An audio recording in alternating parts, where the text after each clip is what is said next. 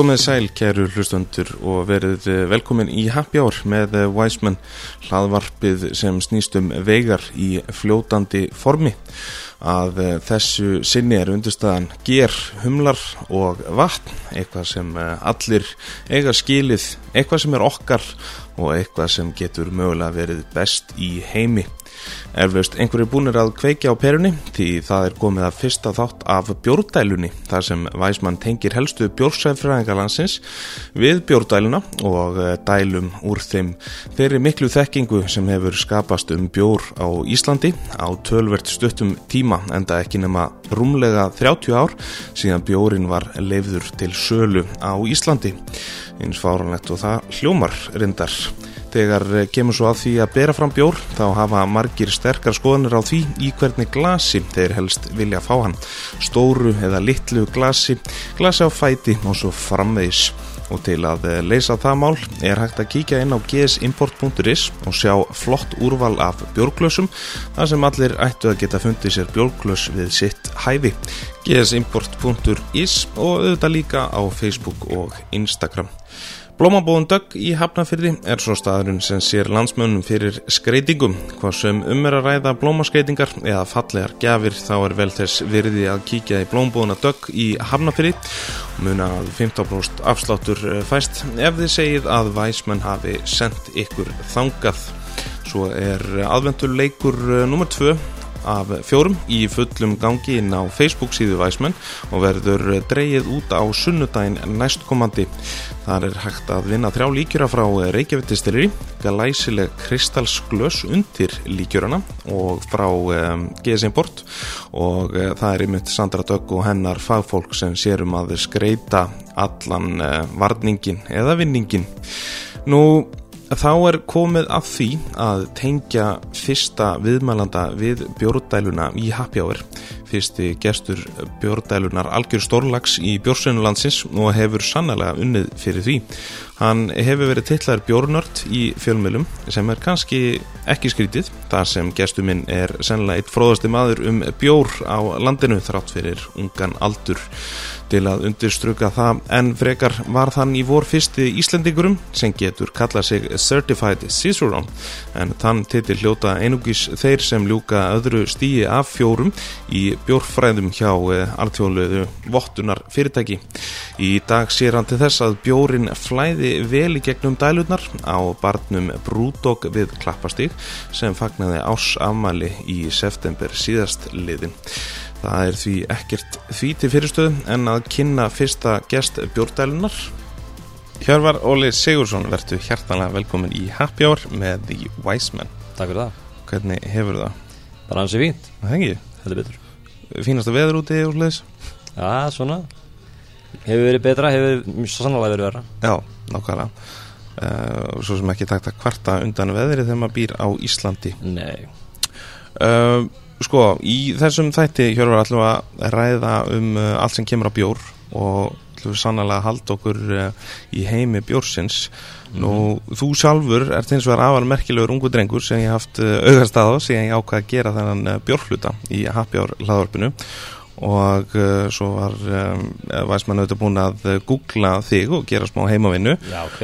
Já, já, en uh, til þess að gefa hlustundum aðeins insýn í þinn heim langum aðeins um, að fara yfir það hver þú ert sjálfur. Hver Já. er Hjörvar Óli Sigursson Ég er Hjörður Sigursson uh, Fættur á Akurari, uppalinn á Dalvík Eyði þar svona fyrstu 15 árunum uh, Byrja síðan í námi á Akurari Fer í verkmyndaskólan þar Í tvö ár, síðan í eitt ár í skiptinámi til Sviss Síðan kem ég aftur Byrjaði á Akurari Það er yfirleitt ögugt sko, menn fara úr Emma yfir ofama En ég byrjaði í Emma þarna og 18 ára byrjaði ég að drekka sem er í rauninni bara stóru merkilegt það er, ég grínast upp með það, ég byrjaði að drekka svona sýttu því að máma mín elskaði of mikið. En um, þannig að í rauninni áður en ég byrjaði að drekka þá vissi ég að í rauninni bjór væri alls konar. Þannig að ok. um, strax í vinnbúðunum á Akureyri var komið bjór frá Borg og bjórar uh, frá útlöndum sem að uh, voru fluttir inn af Jarn og Gler. Mm um, þannig að ég og vinnu minn uh, sem við á, byggum ákveðan og vissum að þessu. Hann byrjar að vinna á bar sem heitir R5 sem var þá nýjopnaður opnaði í desember 2015 um þess ekki. Um, ég tek vaktar, tek minna fyrstu vaktar sem dýravörður. Já, og ég fekk svona, fekk komandi það að ég hefði verið besti dýravörður ever það er bara þess að ég var ekki dýravörður ég var bara mjög almennilega við fólk, opnaði fyrir þeim og svona. Og fór, eða alveg snillur en um, síðan svona byrja ég að aðeins meira að bæla í bjórnum og ég fylgist með þannig vinnum mínum heilan dag og fylgist með það er að dala bjór og svoleiðis, ég hef aldrei dalt bjór aður nei, þannig að en ég byrja, við byrjaði að vinna þarna í hlutastarfi. Á meðan ég er í námi Já. í háskólam þannig að uh, R5 verður smám saman svona svolítið kraftbjór bar, þannig að við erum með alls konar bjóra, IPA bjóra og súrbjóra og svona hluti sem að maður kannski uh, hafði ekki endilega kannast við og, og sannlega ekki svona, mikið af viðskiptavinnum okkur þarna á Akureyri, á R5 já, en um, síðan í rauninni fæ ég val um það hvort ég vilji, vara, vilji fara að vinna 100% og taka við í rauninni starfi vaktstjóra og rekstarstjóra á R5 og það er rauninni svona þá þurfti ég að velja á milli þess og námsins og ég vel þetta því að í rauninni þetta voru tveir hlutir sem ég hefði mikið áhuga á sálfræði og, og bjór og þetta var eitthvað sem ég geti fengið borga fyrir strax. Uh, fyrir ekki að borga fyrir um, eftir fimm ári eða hversu lengi já, já, og uh, þannig að já, ég byrja að vinna þar og vinna þar í tvö ár. Já, og á þeim tíma þá kem ég upp veist, uh, miklu svona ég kaup minn mikið af flöskum og svoleiðis og sem setna meir byrjum við að fá einn dælubjóri hérna frá þann Borg er með hérna sína T-línu og svona alls konar spennandi. Mhm, uh, síðan í byrjun 2017 þá, já, tveimur árið setna cirka bát um, nei, byrjun 2018 menn ég, þá kemur maður á barinn sem heitir uh, Tossi, Þóraldur Viðarsson. Að toppmaður Tokkæ byrjar að uh, sem sagt, spjalla við mig þarna og ég vissi ekkert hver sem náðum og það er svolítið hefur verið uh, svolítið einkjöndu fyrir mig. Ég veit ekki aldrei hvernig einn er sko. Ég get verið bara tikið spæðan og blessaður. Og hörðu þessi að hann á þetta. Já ok flott. En já hann sem sagt er þarna að byrja með Brúdók Reykjavík. Og ég vissi að það væri verið opna Brúdók Reykjavík. Og ég prósa hann með þetta og ég tala við hann og flott mál. Og síðan eh, einhverjum dögum senna sendur hann með skilabóð spyr hvort ég vilja byrja að vinna á Brúdók Reykjavík. Og ég svona hugsaði mig um þetta og ég fann að já, ég kann aðeins sko það fyrir að sofa, vakna daginn eftir og bara, já, híklust Já. ég verða að gera þetta. Ok, þannig að ég flytt suður um, gaggjert til að vinna á Brúdók Reykjavík. Og við opnum uh, 21. september núna í fyrra. Þannig að við höldum núna, við heldum upp á eins og samanleið núna um daginn. Geggja þannig að þetta, er búið að vera þetta er nokkið brjálæðislega langur ferill þannig séð en, en mér líður eins og ég sem múin að vera í þessu nokkuð lengi. Já, og náttúrulega mikill lestur sem fel í það felur uh, einu það er náttúrulega mikill lestur sem þetta felur í sér að, að hérna, læra um bjór. Já, mikil lestur, mikil drikja um, svona núvið, mikil núvitund í drikju Já, nákvæmlega. Eins uh, svona illa og ég hef stundum kunnað við þetta við þessu hugmyndum með núvitund en þetta er algjörlega þannig. Munurinn á því að í rauninni drekka bara til að drekka og drekka til þess að virkilega greina bröðun og svo leist það er í rauninni bara að vera með þar um hvað, hvað það upplifa. Já, en já, ég sem sagt held bjórkynningar þegar ég er að vinna á R5 uh, og er kynnturinn sem sést eitthvað bjór sérfræðingur mhm, og ég kunni aldrei vel við það því að ég hafði ekki til að sína fram á það. Nei, nei, ég var bara náungi sem var vissi mikið um bjór. Ég sagði oft bara uh, góð kvöldið, hér er rólið ég og ég verð bjórnördin ykkar í kvöld. Já, bjórnörd, mér Já. finnst þetta svolítið skemmtilegt. Áhugilega sko, því það er að smýr ég er bara nörd um allt að allt möguleg sem ég hef áhuga sko en já, þannig ég byrja að vinna þarna eh, byrja ekki að taka þessi kenningar og, og ég hugsa með mér að það lítur að vera einhver einhver svona próf eða eitthvað nám sem ég get að fara í Mhm. sem tengist bjór þannig að ég er að lesa þarna bók um, sem að heitir uh, Tasting Beer Mhm. eftir uh, Randy Mosher og þar minnst hann á Certified Cicerone uh, kerfið Það sem er- er, sem er nákvæmlega það sem við ætlum að fara að tala um. Akkurat Þannig að Cicerone Certification Program heitir það. Þetta stopnaði árið 2008 í Chicago af manni sem heitir Ray Daniels. Og programið rauninni varð til þegar að varð til bara út af því að hann var þreyttur af því að uh, kunningir hans, hann er sjálfur uh, brugari, eða alltaf hefur skrifað heimabrugbækur og er mjög þekktur og virtur í brugseinunni þarna í Chicago. Já, hann var hann döðþreyttur á því að fara á bari sjá að hafa verið bjórdælu með uh, frá uppáhaldsbrugarnu sínu með einhverjum félagans og, og síðan fór allt mögulegt sem hefði getað verið úrskeiðis úrskeiðis. Já, um, bjórdælurnar eru ekki þrifnar nógu vel um, bjórnum er, bjórnum er held í uh, vittlaust glas eða óviðegandi glas og skítut glas og kannski ennþá vera að barþjónandi vita ekkert Já, hvað er hvað er með höndunum, hvað Já. er, er hann uppi. Þannig að þetta er uh, þetta hvatti hann til þess að stopna uh, þetta program, Cicerone Certification program og það er í rauninni hugmyndir bak við þetta er að vera með samræmdan þekkingargrunn um bjór Mhm. og nokkur mismunandi próf uh, til að reyna á sérfræði þekkingu innan, eða reyna þekkingu á þessum samræmdan þekkingagrunni þannig að þetta var upprannlega í þremur stígum það var uh, Certified Beer Server CBS sem er hægt að taka bara á, netinu þetta er bara að krossa bara á netinu svo er annað stíð sem er Certified Cicerone Exam. Og þannig er því þá máttu kalla þig Cicerone Mhm. eða Certified Cicerone. Og það í rauninni er bara uh, það er próf sem þú tekur á staðnum. Um, þú ert að mæta á staðin þetta er skriflegt próf, smakkpróf og uh, sínipróf þess að þú eru að taka í sundur uh, einhver græju sem tengist bjórdælum og svoleiðis Já, já. útskýra. Og svo er eitthvað sem hétt Master Cicerone heitir Master Cicerone. Og það er um, um það bil eitt erfiðasta próf sem að maður getur tekið það er tveggja dagar langt próf skriflegt um, munleg próf þú, þú mútt setjast niður með bara uh, heimsklassa sérfræðingum og prófessorum í bara Í- brugat eðlisfræði og öfnafræði og, Ok. bara, og þið spyrjaði bara að hverju sem er þú veist ekkert hvað það er og alveg brútal erfitt próf þetta er haldið einu sinna á ári Já. og það hefur komið ráttar en einu sinni að enginn nái Hvað er þetta að segja? Og er, þetta er þess að þetta þá þriðja og erfiðast stíð eða? sem sagt núna eru komin fjögur stig. Já, ok. Vegna þess að um, stökkið frá öðru upp í þriðja var það hátt að þeir settu annað í enn á milli sem heitir. Advanced Cicerone Ok, og ég hef alveg heyrt að frá mönnum að þeir eru mjög feignir að þetta sé til. Þannig að það- þetta undirbýr mann alveg törvöld undir þetta þri- þriðja já, þannig að ég er búin núna með stig 2 af 4 ok.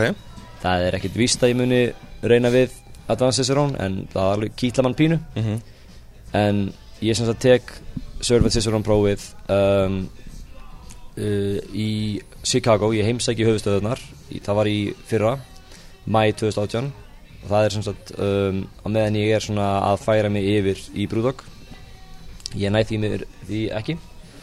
En sem tekið aftur í Stokkólmi núna í júli og þá uh, næ ég. Já, ok það var mm, algjör snild ég var mjög mjög fegin. Það var í rauninni tveggja ára vinna sem að var þar að baki. Já, og já, ég næ því og er því fyrsti og eini íslenski Cicerón. Það er geðvegt og þetta er eitthvað sem ég get alveg ég er samt að segja alltaf, ég get ekki beðið eftir að vera ekki lengur sá inni Já, ég vil já. sjá fleiri íslendinga taka þetta. Já, því að, já, Ég rána að þú segir þetta því að það einhvern veginn er náttúrulega bara senun í heilsinni til framdráttar að þeim fleiri kunni á þessu hluti sko. nákvæmlega. Uh, Ef við setjum þetta aðeins í, í svona samengi að því að nú er til dæmis vínheimurinn á Íslandi mjög stór. Mm. Þú veist, getur við sagt að þetta sé einhvers konar uh, svörun í bjórheiminum við somaliergráðu já, þetta er í rauninni styrta útgáðan sem ég hef að því hvað er Cicerón, það er bjórsamlegar Já, Þetta tengist ekki neitt samlegar programminu samt Þetta Nei. er En já, það er í rauninni sama hugmynd. Um, Ég hef kannski ekki geta borið kennsla á uh, staka bjórframleiðendur nei. um, uh, eftir bræði En það eru uh, í rauninni blind smakk partur af þessu líka. Mhm. Þannig að maður þarf að þekkja munin á stílum Maður þarf að þekkja munin á um, ferskum bjór og bjór sem er uh, eitthvað búin að skemmast eða síkjast Já, og maður þarf að geta búið kennsla á svona mismundi spillibröð, þeim sem kallaða off-flavors. Já, já og maður þarf að sína fram á mikla þekkingu. Maður þarf, það eru sem sagt fimm þættir Mhm. af um, Cicerón uh, í rauninni um, syllabusunum, nú er ég búin að algjörlega, Já, já, uh, námskráin ná. Það eru fimm þættir, það er sem sagt tráöfni og framleysla mm það eru uh, stílar uh, bara eins og ég leggja sig, maður þarf að þekkja 72 mismunandi bjórstíla Já, það er, það er alveg, já nákvæmlega, það er hægar sagt en gert sko. Mm um, maður þarf að þekkja brauð, bræðtöfundir og í rauninni hvernig á að lýsa bræðupplifunum sem þykja spjór. Já. Uh, maður þarf að þekkja uh, pörun bjórs og matar. Mm það, er, það var ákveðin áskonum fyrir mig því ég er ekki mikill foodie sko, þannig ég þurfti svolítið að læra eina það. Já, og svo þarf maður að uh, læra allt sem kemur að uh, geimslu og framreiðslu á bjór sem tengist á þekkingu á dælukerfum og alls konar. Og glösum og st- þann- hva, hvað glösin heita, fyrir hvað bjór þið henda almennt. Maður þarf að draga saman svona línur Já. á milli bjórstíls og glas. Þetta er alveg, já, þetta er, þetta er mikil fræði. Þetta er geggjað. Sko, ég náttúrulega er uh, búin að vera í þessu veitingabransa í 15 ár og ég skal játa því að, að ég hef ekki stúderað bjóra miklu leiti undanfærin ár og ég get alveg lofa öllum því að ég kerst ekki með tætna þess að þú hefur hælana í þessum fræðum. Þannig ég er svona svolítið að, að hérna, fræða sjálf mig bara í leiðinni hérna. Já, algjörlega, það er bara uh, ég, ég tala, tala stundum um þetta. Mamma mín er grunnskólakennari og hefur verið eh, kennari já, í rauninni alla sína tíð. Og ég grínaði stótt með það svona sagði alveg að tölur alveg að ég vil, aldrei vera kennari. Já. sama hvað ég myndi gera þá vil aldrei vera kennari. En sem kemur ljósa eitt af því sem ég hef hvað mest gaman að gera það er að fræða fólk um bjór Já. og vera smá kennari. Það er bara geggjað. Já, þannig ég hef gaman að því að það kikkar svona smá inn hann að sálfræði já, já, algjörlega, ég, hann frá grín, gamla grínum það að, barþjónar sé í rauninni bara sálfræðingar. Já, já, eða svona, já. Það er eitthvað til í því sko. Það er pínu, þetta er uh, fólk sem að fólk kannski leitar stundum til manns. Ég, ég er endar, eins og þetta er sett upp á brúdok þá náum við ekki alveg vera, vera þannig bar þar sem fólk er sko upp við barinn allt kvöldið, situr í einhver stól og, og það er ekki sorgur sínum Nei, nákvæmlega. Nei. uh, Sko þrátt fyrir að við séum náttúrulega í, í, í bjórdælunni mm Mhm. hefur og þú ert náttúrulega þú veist, barþjóðn og vinnur á bar með, með fleiri vín náttúrulega heldur en, Mhm. heldur en hérna bjór hvernig er, er áhugðin á eins og öðrum tegundum, koktelum, léttvíni og svoleiðis, hefur eitthvað spáð í, í því það? sko ég myndi segja að svona ef ég ætti að setja í svona uppáhaldsröð drikkina Mhm. mín áfengið drikki þá myndi ég örgulega setja að veri bjór koktelar, sterkvín léttvín, ég, ég hef áhuga á bjór, auðvitað um, ég, var, ég varð ákveðin koktela nörd pínu þegar ég var að vinna á R5 á Akureyri. Já, miklu minna núna, við erum ekki, við búum ekki til neitt flóknar heldur en gin og tónik á Brúdók en allt sem að kemur að koktelum ég hérna, kefti hérna grænu bókina hans hérna, Jimmy hann heitir hann minni mig. Um, bar, Bartenders Manual eða eitthvað Mhm. Guide, rosalega flott bók. Mm þannig að ég hef alveg áhuga á þessu og ég meina Negroni er upp á skáttilum minn. Ég veit Mm, það þess að ég kynnt mér það mikið og ég smakka mér svona koktela -hmm.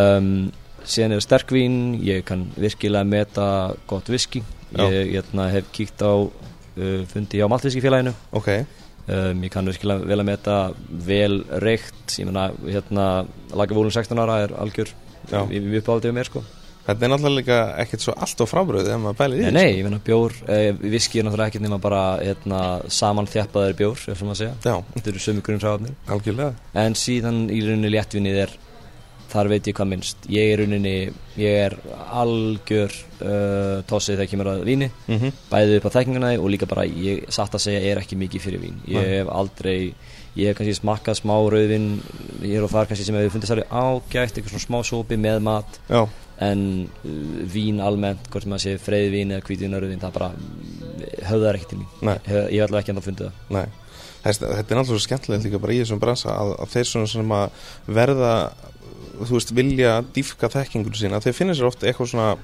uh, áhersvið sem að vilja bara svona leggja áherslu á Mm svo getur þessna komið eitthvað setna sko.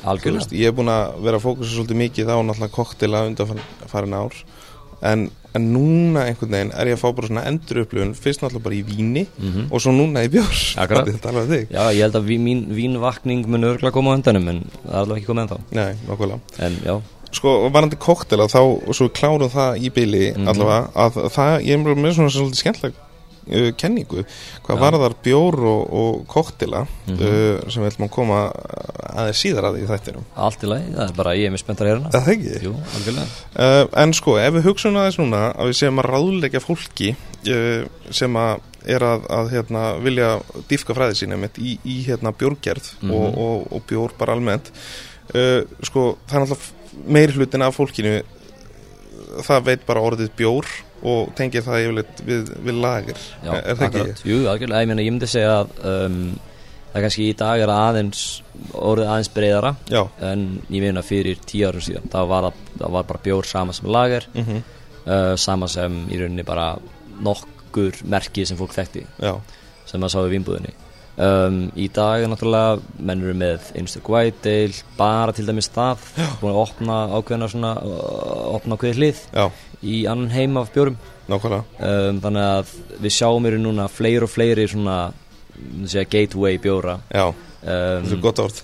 algjörlega, bjó, bjóra sem er svona opna nýjar gáttir. Því að í rauninni með fyrir hvern bjór þá er ákveðin heimur í kringum það ákveðin samingi í kringum það. Mhm. þannig að um leið og skoðar það samingi og getur farið í aðra áttir. Ég, hef gert þetta í, því ég er með bjórkynningar Já, að ég byrja oft á bara og ég fengið smá skýt fyrir þetta Mhm. að by, ég byrja á bara ljósum lager bara eins og menn, eins og fólk þekkir.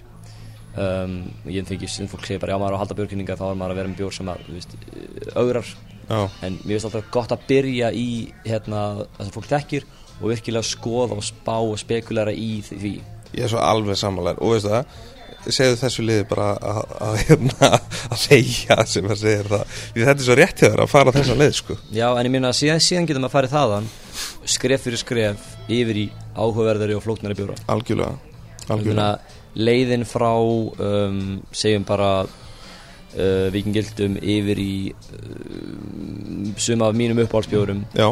Rosalega mislöng, sem maður segja. Mhm, ég, til dæmis einn af mínum uppáhaldsbjórum er Bríó.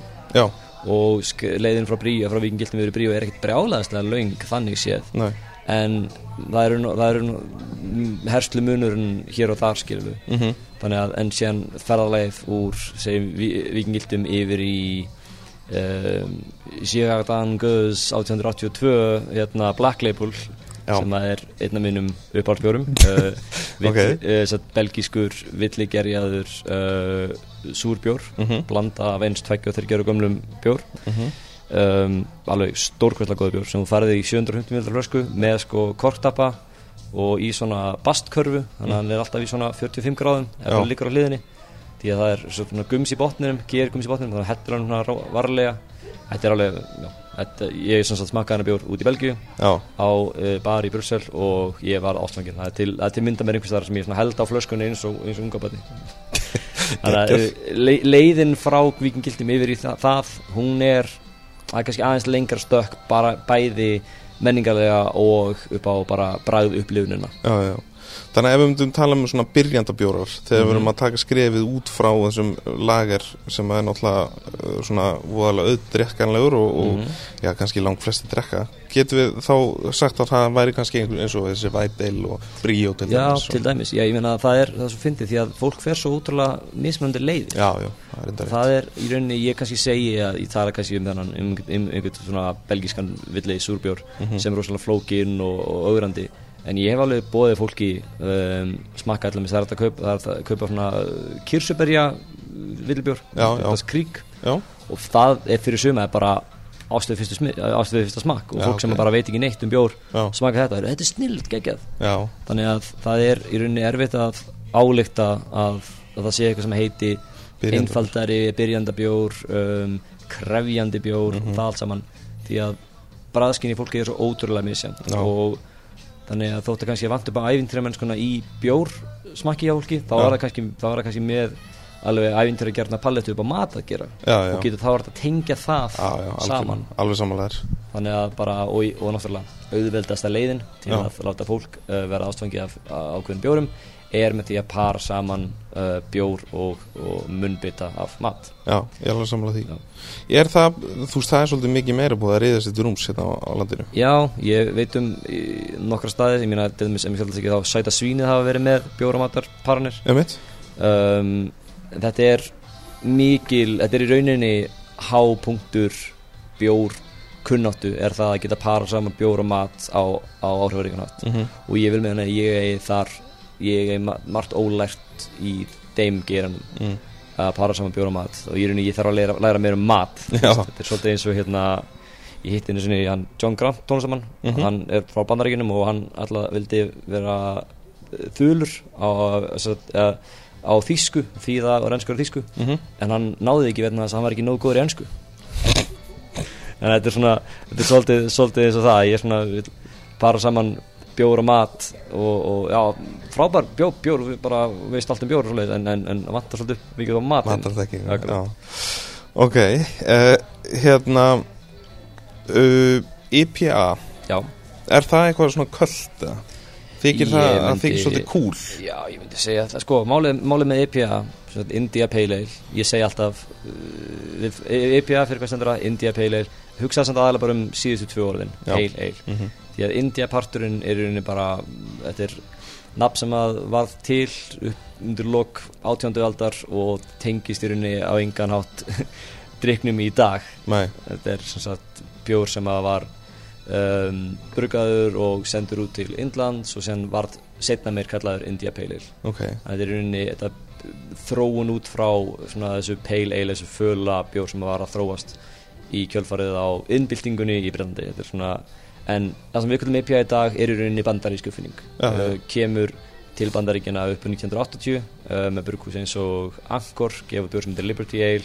Mm. Sierra Nevada gefa út sinn Sierra Nevada Pale Ale á 1980 minni mig. Uh, og þetta þróast síðan og í kringu 1990 þá er IPA American IPA orðið af sínum eigin bjórstíl Já, og síðan þá hafi rauninni eina sem hefur gerst uh, í þeim geranum er að bjó, bjórstílinn hefur rauninni bara þróast sjálfur. Já, þannig að með, ég hef heyrt menn tala um eins og til dæmis hann Ray Daniels sem að um, stofnaði sér sérum programmið hans talaði um það. Hann vildi ekki sjá um, einræði lagers uh, hverfa til þess eins að við tæki einræði IPA já, já, ok. Því að hann vil ekki sjá neitt monokultur hann vil ekki sjá bara einsleitni bjóð því að hugmyndin er að kynna fólk fyrir öllum ég, ég, ég, ég þurfti að læra 72 mismöndi Já, bjóðskila já, til þess einmitt að benda fólki á að það er svo miklu meira til heldur en bara IPA, IPA. já, en vissulega þá er IPA svolítið heimur út fyrir sig. Þannig að í grunninn IPA er fölur um, beiskur bjór yfirleitt bruggaður með mikið humlum. Mhm, um, síðan hefur uh, þróunin setna verið í rauninni minni humla beiskja, meira humla bragð. Já, og humla bragð sem fer kannski aðeins meira úr svona greipaldinn, sítrus, greni, tónum yfir í suðræna ávexti, uh, mango, papaya, ananas mhm, og svona mjög mjúka áferð, þannig rauninni árenslu lausari bjór sem Já. er meira bragð og lykt af en, en minni beiskja. Þannig, að undarfærið hefur þetta svolítið eh, fæst úr því að vera, þetta var náttúrulega með best svolítið. Já, algjörlega, það er ennþá, þú getur enda kert bjóra eins og til dæmis bara úlfur frá já, Borg. Já, Um, á Brúto gerum við alltaf með uh, Punk IPA ádælu já, og Punk IPA er svona innan gæðslega bara old school. Já. Um, svolítið gammaldags en Úlfur er til dæmis finnst mér beiskari, þannig að punkin hefur kannski þróast aðeins meira í áttina þessu að vera aðeins aðgengilegri. Mhm, og það er ekkert af því í rauninni, þetta er bara önnur þróun. Mhm, en í dag þá er til dæmis brugguð eins og Malbygg og Reykjavík brúing IPA björnir sem þeirra gefa frá sér eru meira og minna allt saman um, skíjaðir um, þannig meira sem sumir að þeir líti bara út eins og appisínusafi eða, eða eggjarauða og þeir eru eins og sé með þessa svona ávaxturíku mandarín jafnvel svona mjög léttir tónar og ekkert yfirgengilega viskur. Mhm, þannig að þetta er skemmtilegur bjórstíl og það er til alls konar variationir ég smakkaði í gær bjór sem heitir Svartagull frá uh, Ægiskarði Ægir, Brugur og Granda. Já, og það er að mínum að þetta er bara einn, einn af mínum uppáhalds íslensku bjórum þetta árið sko. Ok. þannig að mér finnst hann algjör snill og hann er svartur IPA sem er sem sagt black pale. Það er svona svolítið tversunni í því það er í rauninni, þetta er frekar einfalt við rauninni bara brugar IPA nema þú breytir maltinu aðeins þannig að þú ert með meira af ristuðu malti já, sem gefur svona ristaðan karakter sem er í rauninni beiskjan í ristinni vinnur með beiskjan í humlunum og þetta er já, alveg aðeinslegt, ég er mikið geggjað þannig að bara í EPA ertu Já. með sko alveg bara 12 undirflokka rétt- léttilega. Já, ok, um, mis stóra og mis kannski virka já, en þannig að já, vinsaldir EPA eru gífulegar og kjölfarið það hefur þessi stíl verið mjög mikið rannsakaður. Mhm, og mjög mikið, þró, mikið þróaður áfram og, og allir eiga sér sín uppáhalds EPA eða nokkra uppáhalds EPA sem Já, eru virkilega í þessum bransa og spáspekular þannig að þetta er klárlega mjög trendi bjórtegund já, um, og alveg svo sem innistæði fyrir því ég held að bara bræð mikill og, og upp að sér besta er góða bjór. Já Get, já, Og þetta er svona svolítið statement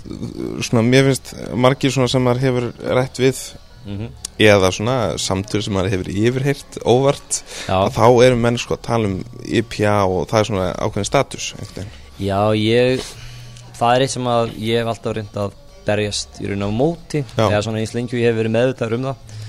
Sem sagt hugmyndin um bjórsnopp og að snoppa um bjór. Því að eitt sem að allavega kom fyrir mig þegar ég byrjaði að læra fyrir, fyrir fyrst CBS prófið og séðan fyrir Certified Cicerone prófið er að þetta er svo auðmíkjandi upplifun að, að því að maður fattar bara ok, ég veit ekki neitt.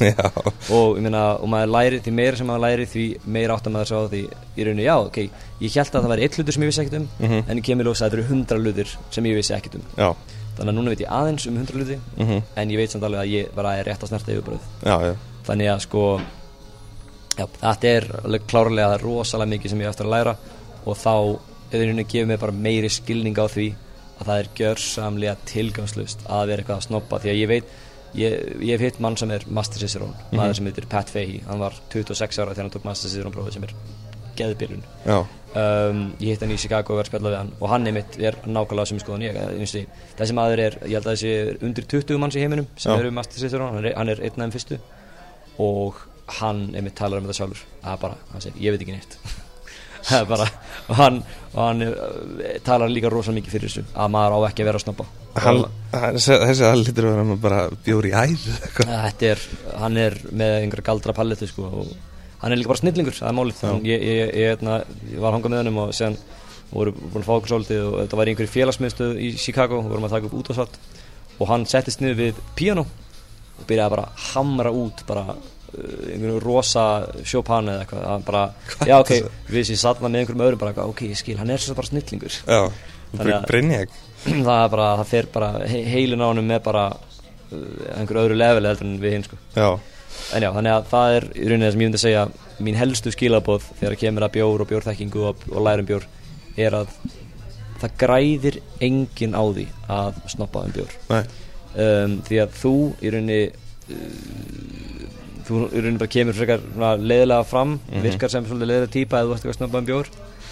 Og síðan ertu í rauninni að gera verkum að annað fólk kannski finnst bjórheimurum vera augrandi já, og vill síður fara út í hann og kynast hann að nei, þetta er svo flókið og þetta er svo mikið og na, þannig að þá er rauninni kannski færra fólk að drekka bjór eins og þú vilt vera að drekka. Mhm. þá minkar eftirspunnin og þá ert í rauninni að skjóta í fóturinn með þetta. Já, þannig að það síðast sem ég vil gera er að byggja upp einhvern vegg og segja já, þú verður að vita svona mikið bjór. Ég myndi segja já, kannski með því að geta sett eitthvað svona merki á mig og fjöður í hattin og sagt já, ég er bjórsærfræðingur það kannski er að tilefni til þess að benda fólki á sem að kannski er mik mikið að spá í bjór og mikið að drekka bjór og brugga og alls konar bara að, að besta nálgunin er að hafa það opið já, já.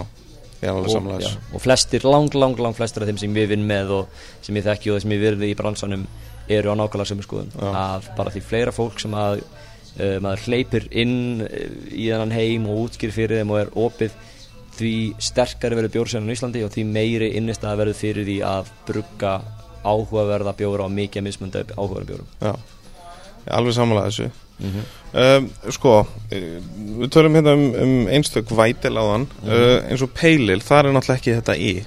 Nei, um, brandar sem ég ótt heirt og þetta er, er rauninni satt það er eins, eins brugghús IPA er annars brugghús peilil. Já, Það er svona almennt tala að segja þetta aðeins mildari í áfengistyrk svona bílinu 4 til 5,5 um, á meðan að IPA er venjulega 6 plus uh, í kannski 5,5 upp í jafnvel upp í 7 eitthvað svoleiðis.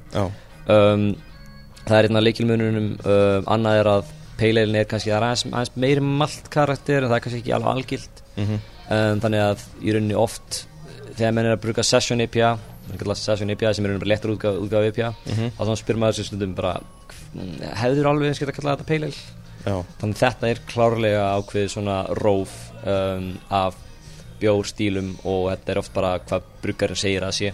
Já, og já, er, ég ég myndi ekki refsa, ég myndi ekki segja að það væri eitthvað hræðilegt ef einhver myndi brugga segjum bara 4,5% bjór já, sem væri humlaður, ljós og svona að, mjög léttur og kallan session IPA um, og brugga sér annan bjór sem er í rauninni nákvæmlega sami og kallan peileil það er í dag er það kannski svolítið session IPA stílinn yfir höfuð byrjaði svolítið svona ég veit ekki, það er svolítið erfitt að negla niður nákvæmlega hvað, uh, hvað hver munurinn á session IPA og peileil er en, en munurinn á IPA og peileil er aðeins greinilegri Mhm. þetta er rauninni bara kröftur útgáfa af á þess Uh, að við förum út í hérna, einhverja skilíkningar á, á bandarískum peileil og ennskur peileil og belgískur peileil og... ég, ég sendi fólki bara á, á barendið til þess að fara út í það. Já, og á námskið Já, Klálega. ég er með um, alveg mjög skemmtilega bjórkynningu ja, þó ég segi sjálfur frá Já. sem heitir, en mér finnst alltaf mjög skemmtilega að gera hana sem heitir The Only Certified Cicerone in the Village mm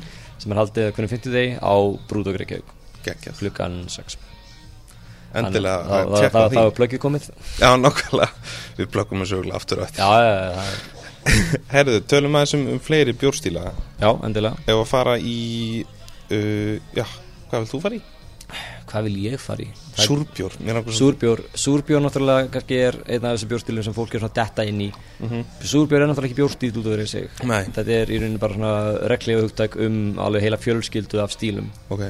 Um, Ég, mér finnst oft gott að skipta þessu eftir löndum. Ok. ég, ég hugsa mjög oft landafræðilega þegar ég hugsa um bjórstíla mm Því að það er ofta yfirleitt þannig að bjórar þróist að mismundi stöðum að mismundi tíma. Gerum það bara þá. Um, já, Þannig að í súrbjórum þú getur farið til Þýskalands og þar eru eða voru staðir í Þýskalandi þar sem að vera vel að bruka súrbjóra um, yfirleitt með einhverju kveitiðinni haldi það eru tveir helst þeir- sem er- sem er Berlínervæse um, og er ennþá verið að bruka í dag í einhverju magni um, og er í dag orðin sem sagt, miklu vinsætli uh, bjórstíl en það var. Berlínervæse var í rauninni bara frekar uh, þetta var svona gömlu kalla bjór Já. yfirleitt svona í kringum 3 til 4% brukaði með kveiti og oft þannig að menn settu svona sjús af sírópi út í hann þá var hérna, hindberja síróp, þá var hann rauður um, eitthvað sem heitir woodruff sem þá var hann uh, Já, og bara var mjög- svolítið spes svona sætt bræðanum ok. Þannig að uh, þetta var, uh, eins og ég, bjórstílinn var búin að þróa svolítið og var mm, svolítið á undanhaldi. En síðan koma eins og oft gerist um, svona kraftbrukarar frá Bandaríkinum og Skandinavíu og jafnvel frá Þýskalandi og byrja að bruka sín eigin berlinu væsi setja ávexti út í hann í brugferlinu og um, þannig að það var eitt partur af svona þessu súrbjóra reyfingu sem er annar þýsku súrbjóra sem heitir Gose G-O-S-E borðið fram Gose ég leitaði, ég tala þýsku sjálfur svona, nei, ég geti sagt með nokkru, öryggi það er borðið fram Gose Ok. kemur uppræðanlega frá Goslar þess að það er á sem heitir Goslar í Þýskalandi kringum Leipzig. Og síðan var til þessi bjór sem kallar Gose eða Leipziger Gose og það er til hérna, heimild, skrifið heimild af Íslandingi sem ferðaðist til Leipzig uh, 1800 og eitthvað sko, bara 1850 eitthvað. Ferðaðist til Leipzig og talar um Gose bjórin Hvað er þetta segja? Já, hann seg, talar um að hann bræðist eins og bara sjórin því þetta var svona bjór sem var bruggaði með kóriandir og salti. Já, að hann talar um að vera breymsaltur eh, líka súr bjór sem að heimamenn drukku alveg í tónatalin hún og húnum hafi fundist algjörlega ódrekkandi Magnað. Já, ég fann þetta, ég var bara inn á tímarit.is og á hvað var að grínast ég bara djóki skrifaði góðseg og það bara elsta heimild, ég var búist eitthvað í 2013 eða eitthvað, nei, 1800 og eitthvað. Ok, það er frekar stygt en já, aðalmunurinn af góðseg og Berlínu væs er í rauninni þetta að hann er pínu saltur yfirleitt. Þannig að það gerir svona, gefur smá mýkt í bjórin Já, og um, þessi kóriandir karakter líka. Þannig að þetta er í rauninni svona aðeins mýkri bróðir Berlínavæsi, já, frændi. Mhm þannig að það er bara Þýskaland komið. Og í rauninni sagt, a- eiginlega allir aðri súrbjórar sem að uh, eru ekki nýlegri, svona, kannski svona klassískir súrbjórar eru frá Belgíu, meira og minna. Um, og þeir eiga það eiginlega allir sammeigilegt að þeir eru rauninni, sagt, sýrnin kemur að tekur rauninni mun lengri tíma að þróa það bjóra. Sem sagt um, þegar að menn bruka súrbjóra í dag Mhm. á Íslandi 99% til- tilvika er að uh, svo kallar kettle sour það eru svona nokkra leiðir til þess að hérna, gera svona súrbjór uh, svona snö, innan gæslega bara snöggan súrbjór Já, og einn af, þeim aðförum er að til dæmis þú getur geimt um, maltið, í rauninu þú getur bleitt í maltinu og síðan áður en þú aðskilur maltið frá uh, vökunum og uh, síðra þá lætur það að standa yfir nótt uh, þá er það kallað, kallað sour mash Já. sem er kannski við það hérna, Jack Daniels. Já, það sour mash.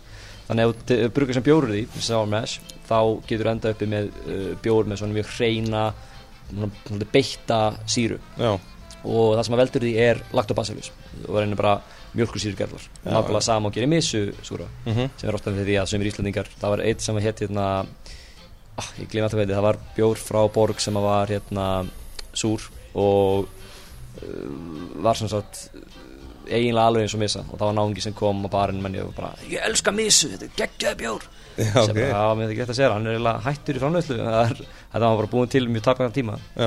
Uh, minn er þetta Gissur, Gissur Súr Gissur Súrsson, ég held að það, eitthvað, eitthvað grinn með það. Svo ég var ekki einhver gísli? Gísli, Gísli. Er- það ekki? Jú, Gísli svo, það er rétt. Ég er bara komin sjálf mér óvart. Já.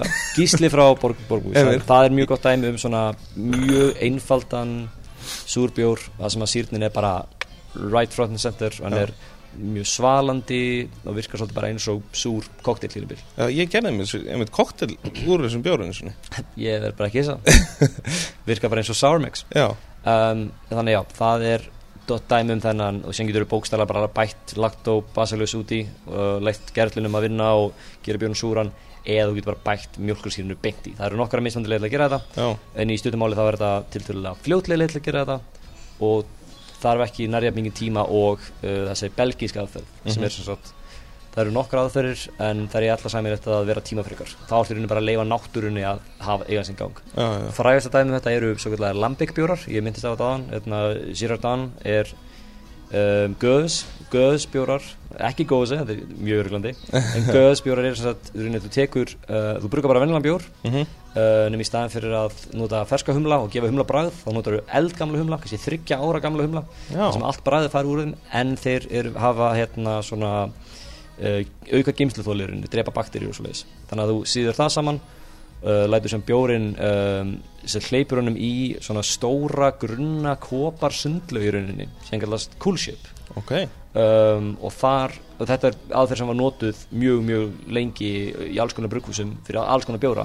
Uh, bara til að kæla bjórun þess að nafnum getur ekki hérna cool shit þetta er bara stórt yfirborð að kæla bjórun uh, nema hvað þeir láta hann standa og leifa í rauninni bara gerlum úr loftinu í kring að síkja bjórun en ekki að síkja bjórun já, þannig að þú tekur það, setur það á eikartunnur yfirleitt gamlar uh, víntunnur mhm, og leifir því að uh, standa og leifir því að þróast í eitt ár, tvö ár, þrjú ár.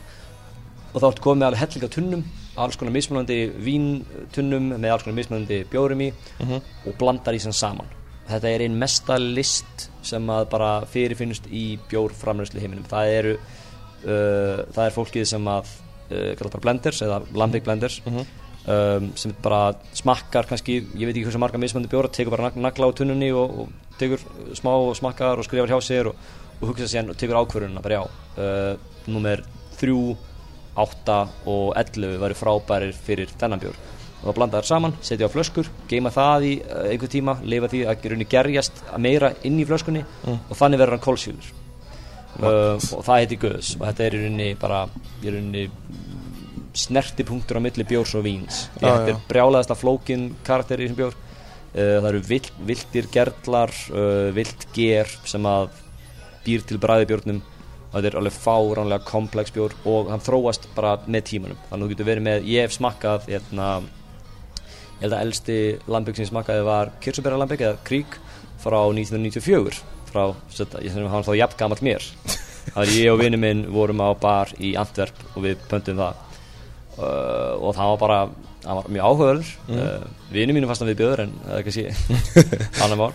En þannig að þessi bjóra þeir endast alveg ótrúlega lengi, og Já. þróast bara eins og vín eða viski og karakterinn breytist með tímanum. Já, þannig að það er eins og sé, það er allt það, sérna, það er algjörlega önnur hlið á súrbjórs heiminum já, og þá er einnig fólk undir áhrifum af því sérstaklega í bandaríkjunum fyrir að búið til svona einbjóra það er brukuð sem að komu til Ísland núna á bjóratíðana síðustu í ægiskarði brukuð sem svo Fonta Flora Degard um, Black Projects. Þetta er allt saman brukuð sem að hafa mjög gaman að því að vinna með uh, svipað ferli, svipaðar hugmyndir og búa til þess að brjálaðislega flóknu áhugaverðu um, stundum með nokkuð krefjandi bjóra. Mhm, þannig að þegar fólk tala um, súr, tala um súrbjóra við mig og er, já, mér súrbjóra ekki er þá er ég að gera ég yfirleitt ráð fyrir því að þau, sé að tala um fyrri sortina sem Mhm. er þá uh, það sem hefur verið að bruka á Íslandi. Um, ég meina að bruka sem svo Malbygg uh, koma með bjóra eins og Framboy og uh, bruka sem svo Reykjavík Brewing voru með hérna, bláberjastleiki Borg brukus kemur skýrjarm og svoleiðis.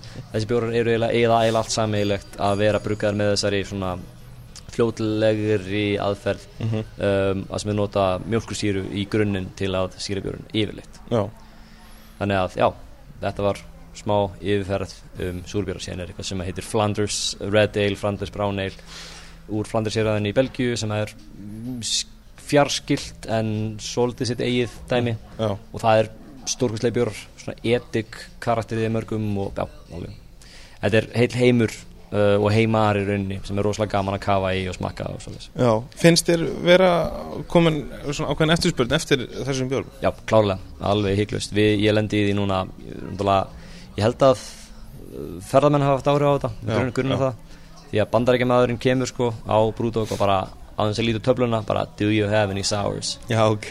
Og, og það, ég held að það hefði haft pínu áhrif á kannski drikkjumenningu og Íslandingum ef þeir eru á börum og, og mennur að fá sér súrbjór og þeir kannski smakka það og, og ég held alveg að þetta sé ákveðin hobbyismi sko í kringum svona handverksbjór og svoleiðis á Íslandi sem er svolítið að koma er í raun búið að vera til núna kannski síðan svona, segjum 2012-13 að einhverju viti. Já. og er rauninni bara búið að þróast og er kannski núna fyrst fara að vera svolítið, við segjum mainstream. Það er allavega mín tilfinning. Já, hopp maður yfir í það. Minna, á undanförnum árum hefur sprottið upp svona svo craft beer sena, mm -hmm. í, í bara heiminum öllum. Já, já, þetta er náttúrulega þetta, þetta er rauninni hreyfingin er um, hún hefur verið til síðan um það byrjum 1970 svona þá kannski uh, eru fyrstu fræin að koma fram mm -hmm. uh, í Breitlandi er hreyfing sem er Camra sem er rauninni uh, eh, CAMRA sem er bara hreyfing fyrir svona Real Ale mm -hmm. sem er rauninni bara gamla, gamla tegundin af öli í, frá, satt, í Englandi sem að um, svona kútabjórar venjulegir voru að, að leysa af mm -hmm. að leysa af hólmi og þessi, þessi samtökur stopnið til að ver, vernda þessi gömlu hefð. Um, í bandaríkinum kemur upp um, svona heimabrugg menning. 1978 er uh, heimabrugg gert löglegt í bandaríkinum uh, af hérna, Jimmy Carter uppáhaldsfóttuðin en þá lífi og hann sem sagt gerir þetta löglegt um, og í kjölfara því eru fyrstu svona smábrugghúsinn stopnuð síðan er maður þetta einn fyrstu eins og ég segi uh, Anchor Brewing er lang er svolítið látt á undan því að það er eins og önnu sagði með það. En þessi hreyfing myndi segja hérna í kringu 1980 og eitthvað þá kannski er þetta orðið að einhver alvöru. Himburger samtíkinu stopnuð um, og séðan Great American Beer Festival stopnað þá held ég að það hafi verið svolítið tímamót upp á það að gera að þarna að vera að taka þennan bjór alvarlega. Mm -hmm. var hægt að vera bara svona eitthvað sem einhverjir skrítnir kallar gerðu Já, hverju sítum hotni Já, nákvæmlega, nákvæmlega. Og Great American Beer Festival tekið fyrir alltaf að hittast, ekki bara einu svæði þetta koma saman. Og grassrúta menningin svolítið byrja í kringum þetta. Um og síðan í kringum 1990 er þetta orðið alveg fyrir eitthvað sterk hreyfing í bandaríkinum mm -hmm. um, í Belgíu er svona bjór áhuga menn kannski, ég veit ekki bjórmenningi það hefur alltaf verið svo sterk að þeir eru kannski hugmyndunum það að vera sérstakur bjór áhuga maður og kannski svolítið fyrirleg en það er eitt maður sem ég líti alltaf á sem svona ákveðin um, ákveðin meðjupunkt í þessu öllu saman. Mm -hmm það er sagt, breskur um, bladamæður og rítvöndur sem að hétt Michael Jackson uh, í alvörunni það er okay. frekar skemmtilegt hétt Michael Jackson og hann skrifaði bók á 1977 sem heitir Já. World Guide to Beer og það er svona fyrsta bókina sem að tek, sem einhver tekur saman alltaf bjórstíluna uh mhm. -huh. og kannski bjór sem að fólk kallaði bara, þetta er bara bjórn okkar Já. en er sem bara mjög sérstakur uh mhm. -huh. tekur það saman flokkar á því bjór stíla uh mhm. -huh. og þar var ákveðin ég, ef þú tala við einhvern af þessum uh, svona fyrstu bruggurum í bandaríkunum kringu 1980-1990 ef það er eitthvað sem er eiga sameilett með að hafa lesið, eitthvað sameilett sem að gaði innblástur, þá var það Michael Jackson okay. alveg klárlega Þannig að hann svona, ég tók þetta svolítið saman og, og setti þetta í einhverjar skorðar Nákvæmlega, orð or, ennska á hugtækið, beer style Já. var ekki til fyrir hann það er að segja, þetta hefði verið kallað öllum öðrum nöfnum Já. en Beer Style var eitthvað sem hann fann upp Já. og kom í prent sem er stórmerkilegt þannig að ég myndi segja að hann hafi verið ákveðin uh, svona liftistöng í þessu öllu saman ítt þessu af stað. Og gerði þetta svolítið aðgengilari nákvæmlega, nákvæmlega og sérstaklega fyrir vín áhuga menn því hann var sjálfur mikill uh, viskisérfræðingur og, og áhuga með vín og hann setti þetta svolítið samhengi við uh, hitt og kynnti fólk fyrir þessum áhugaveru bjórum mm -hmm. sem voru kannski bara að liðina að deyja út. Já, já. Og það má alveg auk fyrir því hann hafi bjargað mörgum bjórstílum eða allavega styrt þá til þess að það er í dag. Já. þannig að uh, svona upp úr aldamótunum 2000 þá í Englandi ég meina eins og til 2006-07 þá kemur Brúdog á senuna um, með sína bjóra en náttúrulega þar undan hafði alveg margt annað verið að kræma mm -hmm. en þeir svona svolítið springa á senuna og, og þú sérð bara ef þú horfir á hérna, línuritt fyrir bandaríkin hversu mörg ný brugghús eru stopnuð að hverju ári Já. eða bara fjöldi brugghús þetta bara flýgur upp Já. núna er það í kringum að bylunu 7 og 8 þúsund mismöndi brugghús í bandaríkin og lang, lang flest af þeim eru lítil og Já. sjálfstæð. Þannig að þetta er þetta er búið að vera að gerast núna alveg rosalega hratt, kannski undan fyrir þrjú ár Mhm. þá er vöxturinn alveg gífurlegur og áhugin eftir því þannig að það var í rauninni bara óumflýjanlegt að það skildi koma til Íslands á endanum Já. Hvenær myndur þú segja þetta uh, sko, eins og ég las nú í grein Mhm. bara sem að var tekin við þig í fyrra þá hérna Hvað var það? þá hérna voru yfir 25 brukhús starfætt á Íslandi. Já, já, já, það var aðeins bara hvað, tvö fyrir um áratug.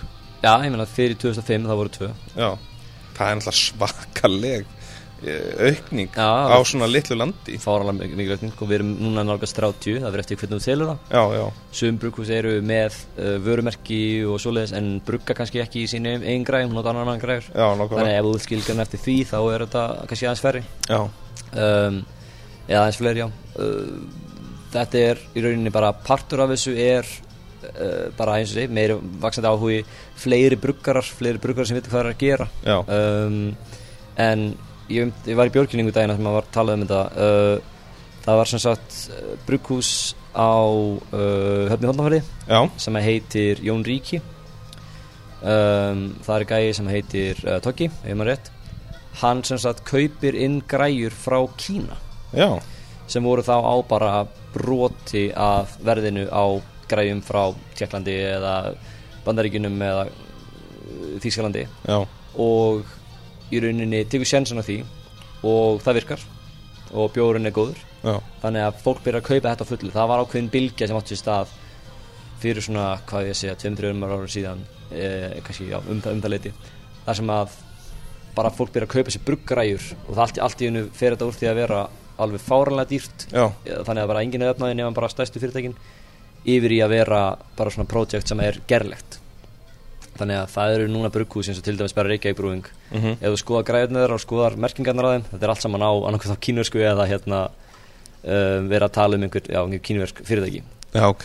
Þannig að þetta er það var ákveðin bylting fyrir minni bruggúsin Já. og reyninni svona kom þeim á liftið þeim upp á annað plan upp á Mhm. þetta geta, geta bruggað um, svona frekar professional um, á frekar professional græ- græjum á verðið sem setja ekki á hausinn. Já, já En ég myndi, ég myndi segja að þetta kannski hafi verið eitt af stóru sem gerðist eitt sem gerði, það- gerði því í klift af eiga sér stað. Já, og ég held að það sé svona ákveðin ég veit ekki hvort að við munum sjá mikið að nýjum brukusum á næstu misserum. Það verðist vera svona smá uh, þannig að menn eru búin að allir sem að vildu uppstána brukus eru búin að því. Já, og eru núna bara að svolítið koma undir sér fótunum og svolítið fullkona sem eru að gera. Já, og ég held kannski nú er ég náttúrulega engin, engin spámaður en ég hef á tilfinningunni að það sem er að fara að gerast núna er að menn eru að fara að koma sér að spiltu fyrir uh, á markanum og síðan er næst skrif í rauninni ver- verður að kannski eftir nokkur ára þá kemur svona önnur bylgja en Mhm. eins og sé, aldrei vita nei Sko, og þetta er náttúrulega líka skemmtilegt að, að sjá sko sérstaklega þessi bruggu sem eru um, á landsbyðinni, þar er fullt af fólki að láta já. sína rætast. Í nefni hérna kannski eins og Bróðversbrúur í Vestmærium mm -hmm. uh, Húsavík öl á. Húsavík á norðan sko. Uh, Við tökum þessu klálega fagnandi. Ekki spurning. Ég menna ég uh, félagi minn hann uh, Valli ófjörði eða Valli Ölfjörði eins og kalla sig. Hann heldur út í vefsíðu sem heitir bjórspjall.net eða bjórspjall.is, hvað er. Já. Líka Facebook síðu sem heitir bara bjórspjall og þar, hann bjóð sér til kort mm sem að bara Icelandic Brew Map. Og ég, ég hef þarna notað þetta kort mikið þegar ég er að skoða og fara yfir stöðuna. Já, og það var alltaf gat í, á vestfjörðum.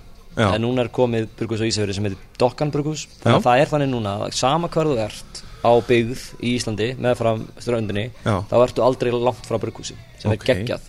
Og það var, veist, þannig er það, þannig er það í löndum eins og Belgíu eða Þýskalandi eða Tjekklandi eða bandaríkjum Breitlandi eða Bandaríkunum Já. þú ert aldrei ólangt frá Nei. og það er þannig í dag á Íslandi sem er mjög alveg frábært. Já, þannig að Dokkan og Ísafjörði austri á uh, eigistöðum með hérna, smiðjuna á Víki Mýrdal, Ölverk í hveragerði.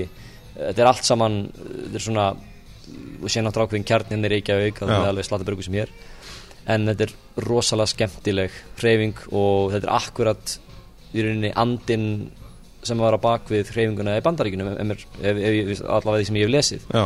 að þetta snýri svolítið um það að stopna brugghús og byggja svolítið upp í sinni byggð og nota það til þess að í rauninni gera bæinn sinn eða sitt uh, svona nánasta nákvæmni betri stað til að búa í Já, rauninni já. og í rauninni bara að, að hafa brugghús á, á, á svæðinuðinu eigur rauninni á að auka lífsgæði og á að auka svona sé félagslegu hliðina á, á þessu því að það eru mörg brugghús sem eru sem að sérstaklega í bandaríkunum sérst- og svona sem kallast brewpub Já, einmitt. Um, urðu í rauninni bara félagsmiðstöðar fyrir ákveðin hverfi. Já, og eru það ennþá, ég meina það, er, það eru nokkur alveg stórkostleip dæmi.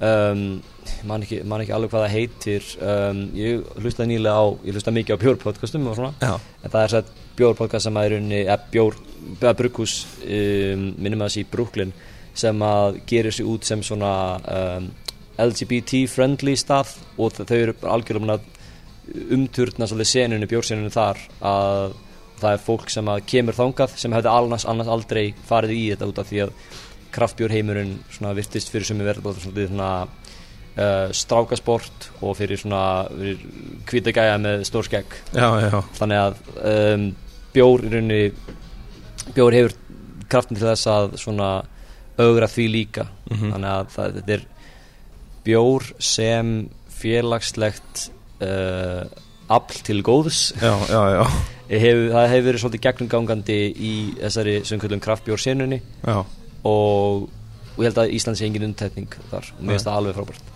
Og einmitt, þú talar um svona bjór, svona brugg, brúhouse pub. Ég meina þetta er náttúrulega svolítið, við búum á Íslandi, það er svolítið fórsenda fyrir þessi brugghús gangi að, að, að það er alveg svolítið erfitt að komast hérna, komast að á þessu markaði ekki. Já, ég er kannski ekki, ekki besti maður til að tala við um þetta. Ég Nei. er náttúrulega hinum einu við þetta. Ég heldur Já, hlutum en ég minna við, sko morða þannig við erum viðskiptavinur um, við uh, eiginlega öll brugúsin, það er við, Já. reynt að kaupa eitthvað frá öllum. Mhm. ég held að þessu örfá brugús sem, sem við höfum ekki verslað við en þá Nei, þannig að því leiti þá erum við klárlega að hjálpa til. Ég meina, þú ert kannski með brugús sem að eru með nokkar kúta af þessum bjór og nokkar kúta af þessum bjór og, og hafið áhuga að kaupa inn og við kaupum inn og þá, Já, já. Og þá er þetta kannski nokkur, bara nokkur stæri uppátt sem við þurfum að hafa sambandið og þá eru búin að selja út um, þetta, þessa lögna björnum skilur já, þannig að klárlega en ég minna það eru barir sem að bara og hótel og veitingastæðir og svoleið sem eru með bjórdælur sem eru bara annarkvort hjálgerðin eða viking já, nákvæmlega.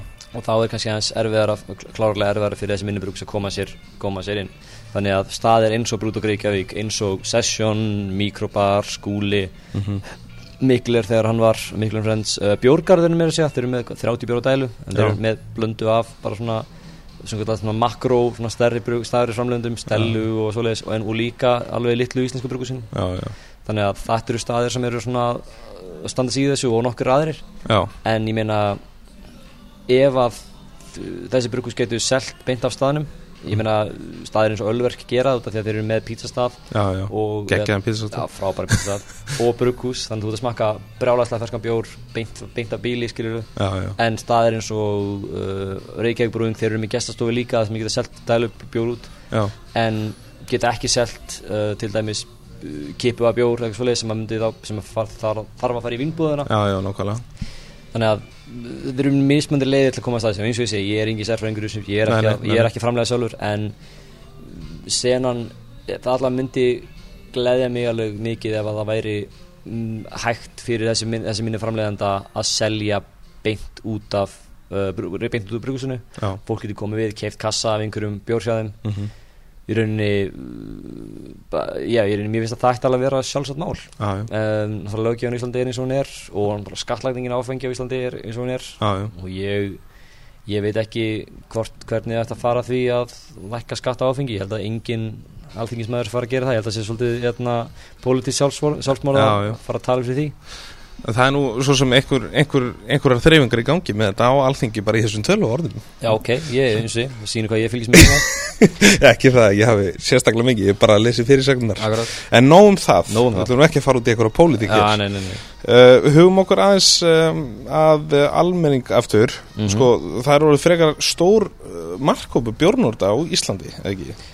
Ég, ég hreinlega veit það ekki. Það er, það er eitt sem að veist einmitt, ég hef alveg pælt í Já, því að ég heyri talað um þetta já, það er svo erfitt að díla við íslenska björnur þeir eru bara heima á sér og, og hérna, fara aldrei út á barina og kaupa bara í, í vinnbúðinni eða, eða deila sín á milli eða eitthvað svoleiðis. ég veit ekki hvað sem mikið er til í því en ég meina heima bruggsenan á Íslandi og það allt saman. Já, ég bara hef ekki, ég, ég, ég hef ekki tölur um það. Nei, nei. ég, ég, er, ég var alveg til að fá að vita það en til dæmis bara á Brúdók ég held að svona fastagistirnur okkar eru kannski ekkit nöðsynlega einhverjir uh, bjórnördar sem að mættu til okkar vegna þess að við erum með bjórúrólið nöðsynlega nei þótt að það sé alveg klálega nokkur mm en ég, myndi segja að þetta er kannski, þessi sena er kannski aðeins meira snýst aðeins meira um, um fólk sem að mætir kannski á einhverja viðburði. Fyrir einhver heldur en að vera að fara nokkur sinnum í viku eða hver einu svo helgi á einhverja bari skilur Já, já, að þetta er kannski meira fólk sem að lætur sér hafa að, að mæta á einhverja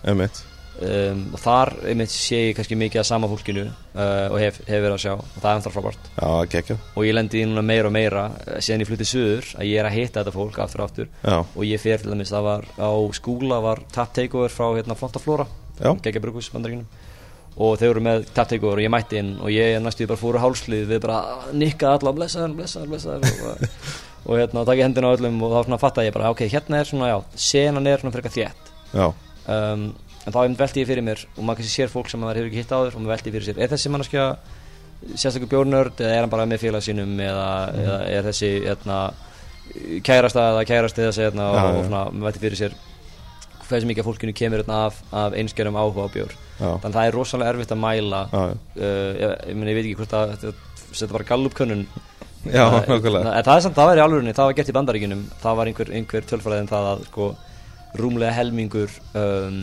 fullorna bandaríkjumanna hafði á, á árinu fengið sér uh, handverksbrugg eða craft brewed beer Mhm. uh, sem er náttúrulega fáránlegt sko. Mhm. þannig að uh, allavega þeim sem drukku þannig að það væri svona hugsanlega hægt að taka einhverja könnun. Bara hefur þú drukkið bjór frá uh, íslensku brugghúsi sem er ekki ölgerinn eða ölgerinn ég vil að borga einstöka hvað það er? Um, það verður áhugart að vita það sko. Ég, það kannski munur á mannesku sem fær sér af og til og mannesku eins og til dæmis ég tala svolítið um það að ég er ekki típiskur.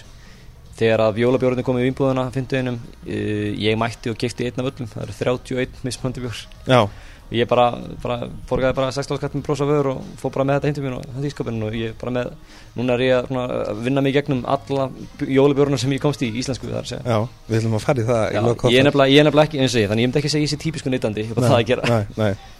En sko, við getum ekki allavega sko, lokað þessari umræði með því að Mhm. segja að það er fullt af fólki sem er að dýfa tannum í þetta Já, alveg Hygg- það er, það er í rauninni bara þetta fyrsta skrifið að vita nokkurn veginn hvað EPA er Já, að vita nokkurn veginn að þekkja súrbjór að hafa smakkað súran bjór. Mhm, bara það, ef við tökum það sem er mælist ykkur, þá er það fáránlega mikil þróun held ég. Það er, allavega, það er bara tilfinningi sem ég hef Já, ég er alveg samlegaður En sko, finnst þér fólk vera almennt tilbúið til þess að smakka alls konar, þú veist? Já, já, e, klárlega. Ég meina til dæmis bara á, í minni vinnu þá erum við með 20 bjór á dælu sem Já. þýðir að ég get tekið bara smá svona Já, smá kom- smakka já. af hvaða bjór sem er Já, og bóðið þeim.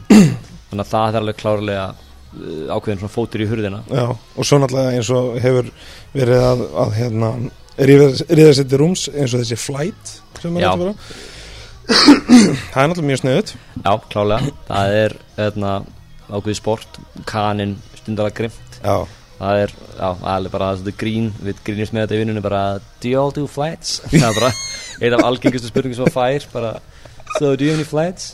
það, það er ríkala fyndið. Já, og ég meina við erum oft, við erum, satt okkar smakklaus eru svona eins og pínlítil kvítinsglös á fæti, sko, Já, já, 200 ml glös.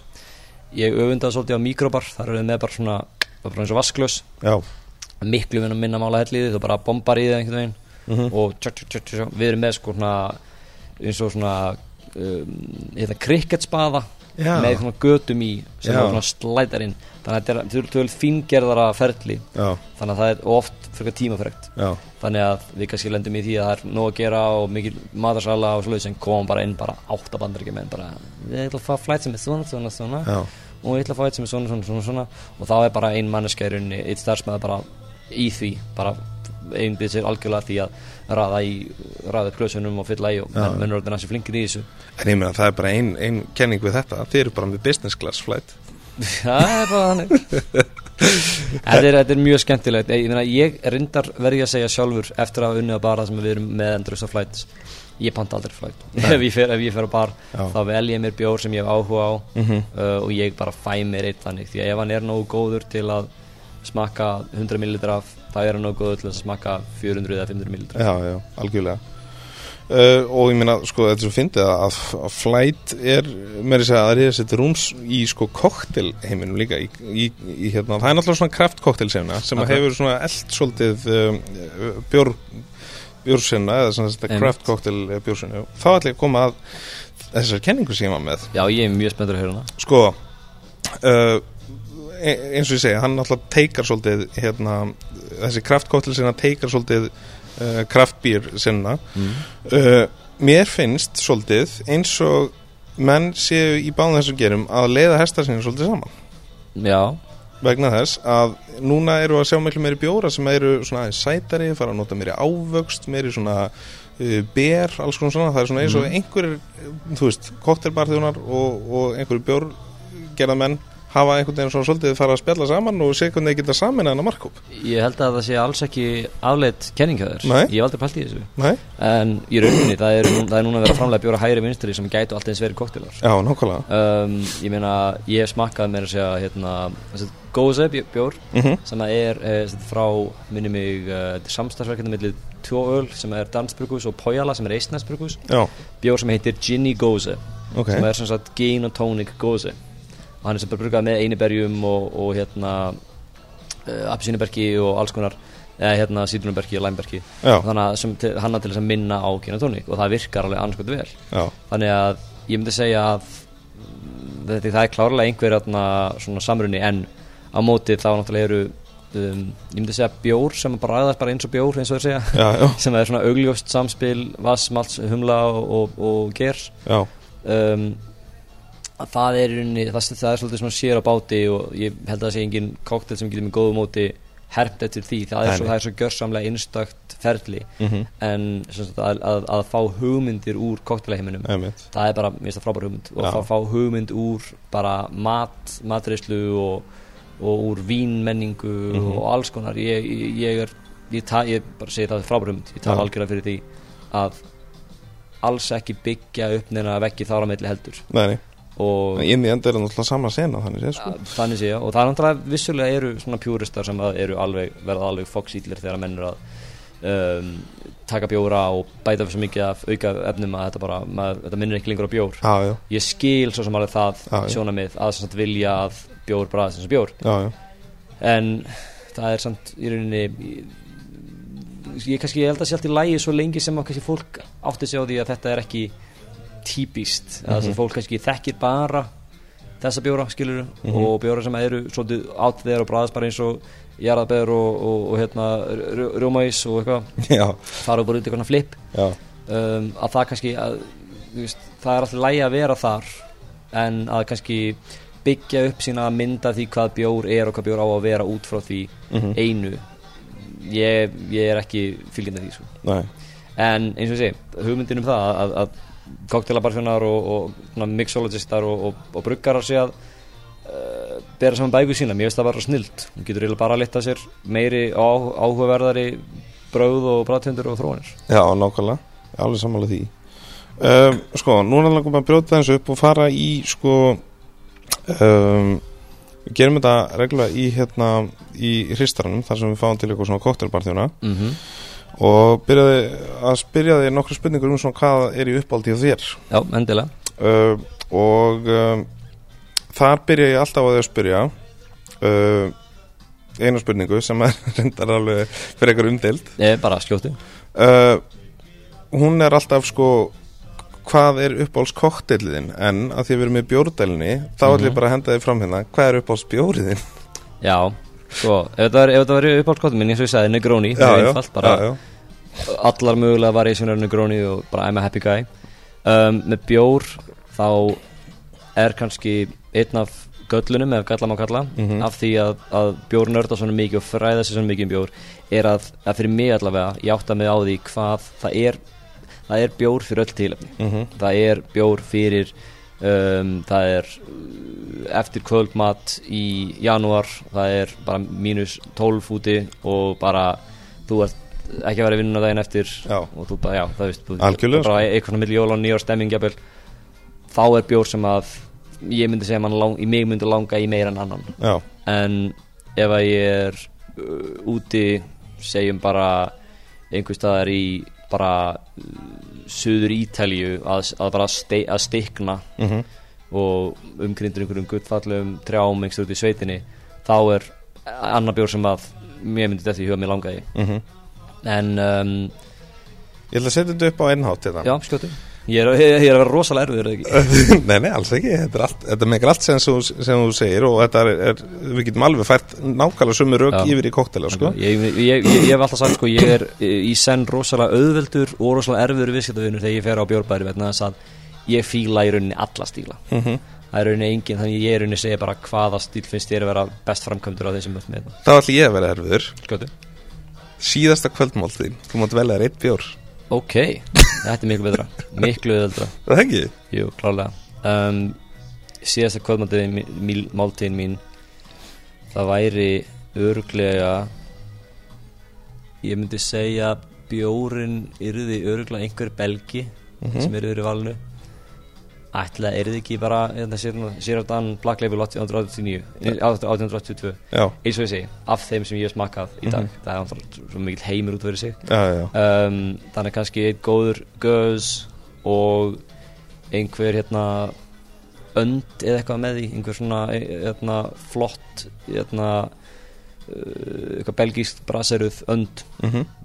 saman, ég væri, ég held að það veri ágætt þetta er bara, þetta er algjörlega bara top of my head. Ég fíla þetta. Já, mér, er aldrei dótt þetta í huga á það sko, en já, Nei, það er Það er bara um að gera, við kannski pröfum að tegna já, hvernig er það? Herðu, ok, ef að fara í sko uh, lagabjór og svo búin að kofra það Bríó, það er svolítið bara Já, Bríó er í miklu öfði á mig þar um, en ég menn ég hef smakkað en svo, ég get alveg klárlega gefið þér upp á þetta mitt. Mhm. það er pilsnir úrkvæl á Mhm. hérna sem sagt dælu eða sem sagt, sem sagt tannkofna Mhm. sem er sagt bara tankur uh, sem er fyllt á af bara, bara bíl sem kemur frá pilsin í Tjekklandi Já, sem bara tengja við, fylla hann á, fylla á hann. Þetta er bara ferskasti pilsnir úrkvæl sem við getum fengið á þess að heimsækja brugu sér beint. Mhm, Ég smakkaði sko tveggja daga gamlan uh, úrkvæl á sagt, bar í Stokkólmi sem heitir Bar Central. Mhm, og þar eru með sko svona krana sem í staðin fyrir að fara svona beint fram með aftur já, þá er hann, ég held ég að tala um þetta um daginn allavega, hann fer svo svona uh, lárétt í rauninni, Já. já, svona 90 gráður lárétt. Mhm, svona frá akkurat ég er að gera hérna handarhefingu um, ef þú ferð svona 45 gráður þá fyrir bara fróðu og þú fyrir allar leið þá fyrir bara bjór.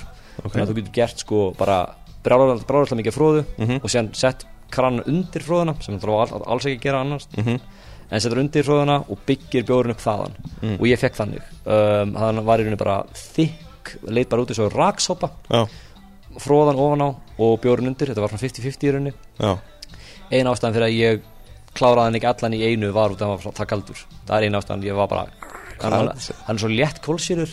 Þú verður ekki þemdur á hann næ Guð mig góður og góður. Já, það er svo Pilsnurkvæl þannig um, Síðan hef ég líka smakkað eitt þýskan eða austurískan um, frá brugghúsi um, sem að ég smakkaði ég smakkaði bjór í Chicago. Alltaf verið, alltaf verið eitthvað smakkað á öðrum stöðum.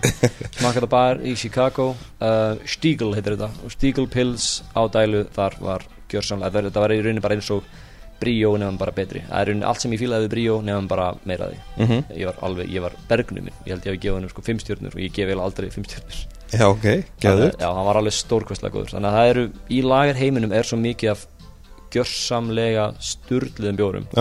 Um, að maður verður svolítið reyður þegar maður smakkar eitthvað eins og bara segjum til dæmis gull eða vingild mm Mhm. eða bóla eða eitthvað maður hugsa með sér bara, þetta er þeir, ég veit alveg, ég hef talað við fólk sem vinnur þarna bara, þau, ég veit alveg að það eru bjóra sem þau gæti verið að bruka sem að ég, ég mér myndi finnst það að vera betri en Já. maður skilur samt alveg af hverju gera þetta þetta er fyrir ákveðin markað Mhm. að fólki er búið að kynna þessi bjór og það vill ekki að, að þessu Mhm. En ég hugsa alltaf með mér að bara það er svo stutt á milli. Já, já, það, það, það, það er ekkert það margir hluti sem þurfa að breyta já. til að fara úr þessu yfir í þennan bjór sem að mig langar til að vera að drakka mhm. en já eins og sé, það er svolítið erfitt að vera ætlast til þess að um, að framleiðendur uh, breyti bara til þess að geðjast einu manni. Já, nákvæmlega. En sko tökum sko lager og pils. -hmm. uh, Það er náttúrulega Hvernig getur við skilgjum það? Þetta er mjög einfalt uh, ekki allur uh, lager er pils en allur pils er lager Ok, uh, Pilsn er nafnið dreigið frá pilsin í Tjekklandi eins og Mhm. þessi bjór sem ég smakkaði, pilsn er úrkvæl um, Þetta kemur upp hérna frá Tjekklandi þetta er fyrsti gildi lagerinn kemur hérna 1842 um, og verður síðan mjög frægur og vindsæll í svona undir lok 19. aldar þá verður það drukkið allstaðar mhm, og þá, þá strax var í rauninni ljóst lager búin að uh, koma sér fyrir sem svona vinsalsti bjór í heimi. Já. hann hefur verið það síðan þá. Um, en það er rauninni bara ljós lager undir áhrifum frá Tjekklandi Já. og í dag er rauninni þegar talað um pilsnir og talað um tjekknarska pilsnir eða þýskan pilsnir. Já, já. Það er svona almennt talað og þeir eiga- eiga samanlega að vera nokkuð léttir nokkuð ljósir um, yfirleitt með aðeins meiri áherslu á humla heldur en malt en, en stundum líka í alveg flott í ápvæði Já, já, en síðan sko lager heimurinn er miklu starri en það. Já, lager getur verið allt frá sko laufléttum bara 4% hérna um, sem lítur bara út eins og hei um, bara gulur. Já, og í miklu jafnvæg yfir í það er til eitthvað sem heitir Icebock EIS-bock uh, sem er bara 14% uh, yfirleitt mjög dökkur það er eitt sem heitir hérna, uh, Samislaus frá Austuríki ok. Uh, 14% jóla, nei, jólasveina bjór. Hann er já 14% og það er lagerbjór.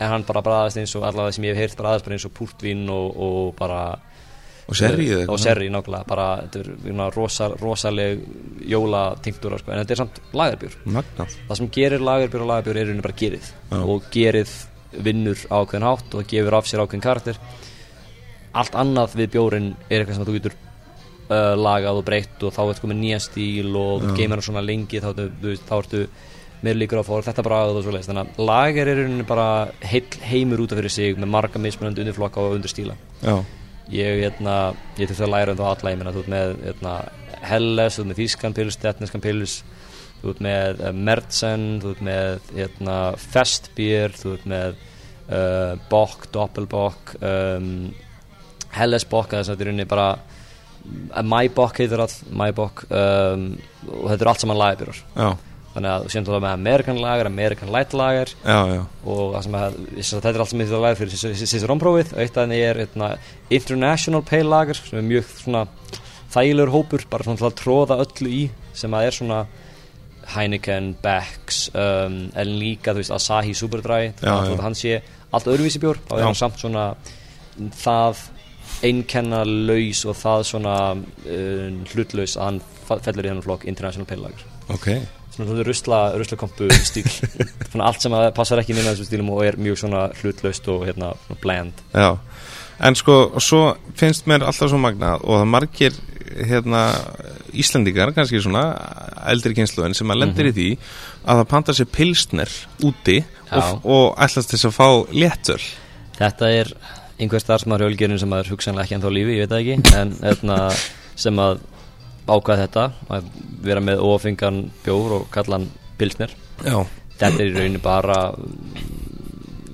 þetta, Þetta er bara á Íslandi þetta er að bara á Íslandi þetta er bara á Íslandi, hann komst Já. bara upp með að þessi aðali komst bara upp með að það var ekki meiri þekking um þetta heldur en það. Já, að kallaði hann bara pilsner og ég meina Carlsberg hefur kallaði pilsner líka þú sér bara Carlsberg pilsner undir. Já, þannig að ég skrýði að fólk aldrei auglast að því. Já. En já, þannig að pilsner í rauninni enn þann dag í dag er fyrir mör- mörgum uh, bara annað orð yfir óafengabjör Já. sem að ég meina gott og blessað, ég er að lenda alveg í því ef, ef ég fæ viðskiptavinn til, viðskiptavinn til mín sem er ákveðnum aldri Já, og spyr eigiði pilsner já, þá hérna á ég til að spyrja á eins, ég reyna að gera eins kurtisleikið bara áttu það við áfengabjór eða ófengabjór og, þá fæ ég stundum svona áfengabjór. Já, já. Ég er engin, er engin plebbi, ég veit alveg En þetta er, ég held að þessu sjúkla margir að tengja við þetta. Þeir hafa einhvern tímann lendið því að fara með einhverjum náskildum mættinga eða, eða bara kannski hafa ekki þekkingun á því sjálfur og ætla að fá sér ófengambjór og, og, og fengið náttúrulega bara áfengambjór og orðið Já. brjálæður sko. já, já, mjög skilanlega Ég meina, tala nú ekki um að menn eru óvirkir eða eitthvað Þetta er, hérna, já eh, Gott að, gott að vita á þessu. Meina, eins og til dæmis Bríó var alltaf auglistur sem bara German style pills eða pilsner. Já, já, um, og pilsner úr kvel bara, heitir bara pilsner úr kvel þannig að þetta er svolítið bögandi en ég meina það er bara eins og það er. Þetta er bara einn af svona skemmtilegu svona einkennilegu hlutum við bjóra á Íslandi. Já, já, nákvæmlega. Og ekkert eitthvað major vesen að leira þetta sko. Nei, nei, alls Alls ekki.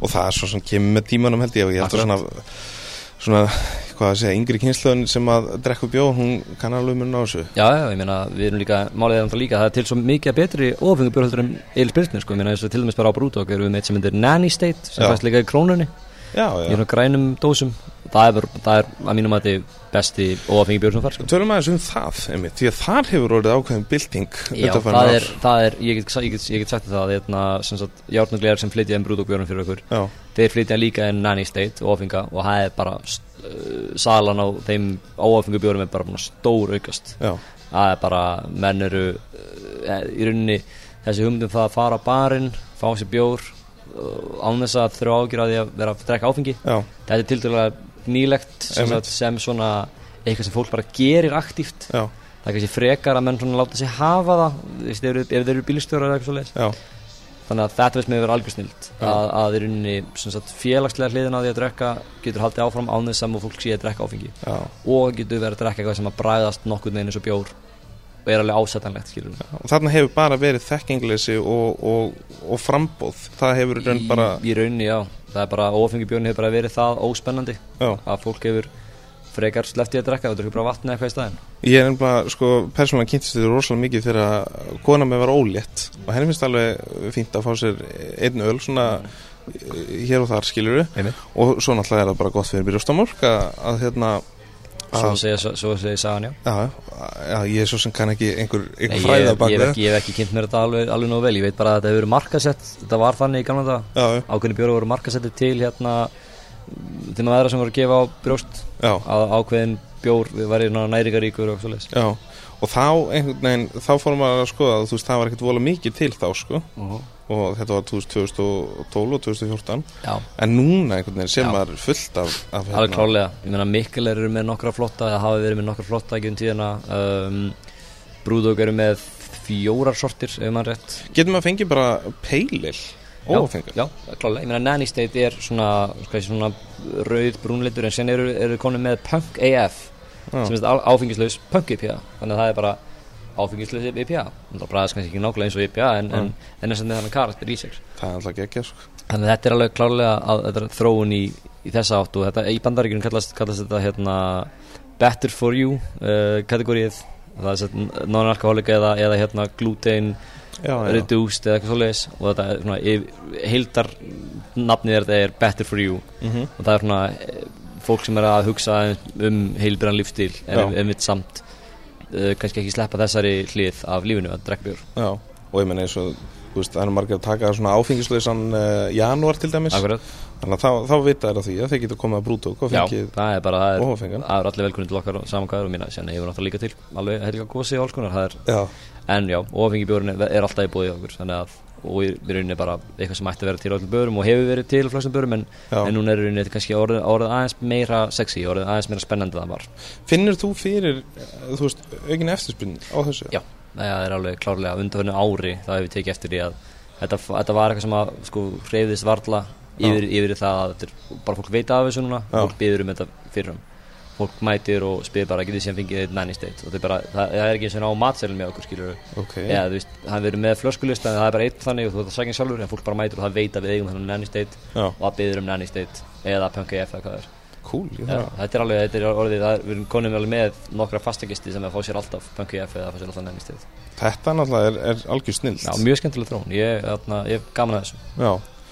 Um, að, þú veist, Það er bara þannig að alltaf lenda þeir sem að eða, í gegnum tíðina þeir sem lenda alltaf ekki að fá sér þeir, þeir hérna, lenda einhvern veginn bara út á svona second choice eitthvað. Já, nákvæmlega, ég er raunin að vera með að vera með ofingabjór sem að er um, eitthvað svona sem að er frekar bara gott á bræðið og, og, og eitthvað sem að fólk langar í. Það Já. er algjör snild. Algjörlega Herðu, ef við færum okkur næst í hérna eins og við erum ennþá náttúrulega í þessum uh, uppáhalds uh, Já, endilega, ég, ég er gaman að Þó að við farið í smá útudur því Já, sem var reynda mjög góður útudur það er uh, Hérna, ef við förum í næsta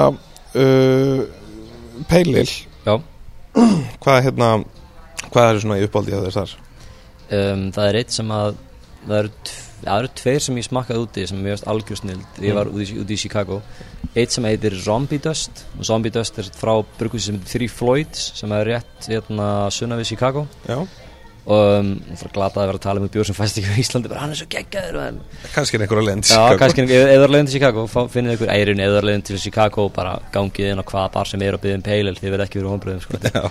Chicago er einn af þessum stöðum sem er svona ákveð bjór mekka sko. já, já. En já, Zombie Dust er einn af þessum bjórum sem ég myndi kalla bara gallalausan. Það er bara, það er, hann er fullkomin sko, vákvæðan um, Two Hearted Ale, hann hefur verið til af og til á Íslandi. Já, frá Bells brúri sem er frá svipuðum staðarna norðaustur hóðninu já, um, stórkvæslega góður IPA Two Hearted Ale er í rauninni bara svona fyrir mér svona hinn fullkomni IPA eða svona í þessum gamla af þessum gamla skóla. Já, já. Og bara allir aðeir IPA bjóri er í rauninni annarkvort að svona einhvers konar variering af honum eða þá uh, að bróða sig út frá því. Uh og það er, mér minnir að segja hvað er mi- milli, einhvers þar milli 6-8% mann ekki nákvæmlega. Já, og bara virkilega flottur humlarnir svona þeir rífa aðeins í en þeir eru samt þeir eru þannig að um, þú eru smá þurr í, í munnum eftir og langar í meira og þetta fullkomlega jafnvægi Mhm. sem er mjög svipa og ég finn með Já. nefnum bara eins og með þannig að þetta vera aðeins meira beefy, aðeins sterkar aðeins meira fút í honum. Já,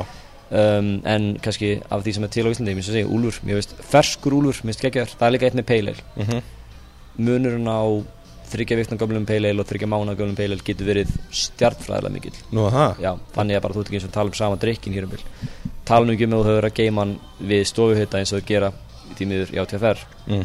Þannig að ég hef, ég man eftir að ég fór í vínbúðan einhvern mann í skútuvóinum hann gemdur kaldur þar, allavega ein, einhvern hluta af, af sínum líftímaður hann gemdur kaldur. Já, og það var Úlfur sem var bara, ég held að hann var tvekja veitna gammal og Já. ég gefti mér, mér að hljóska bara grín og ég fekk mér hann, ég var eiginlega bara slegin, sko, ég bara var heima á mér bara, fokk, ég bara, ég var búin að gleyma að þessi bjór var svona frábær. En það var eins og eins og því, það var að, alveg miklu til vetna þess að hann var svona ferskur. Já, þetta eru bjórar, uh, pale ale, IPA mér finnst það að sagði pale ale en það er rauninni pale ale, það nær fyrir, í mínum huga þá nær það í rauninni frá alveg bara léttustu session IPA og svoleiðis alveg upp í sko double IPA neglur sko. Ég veist, þetta er allt saman svona frekar fölubjórar.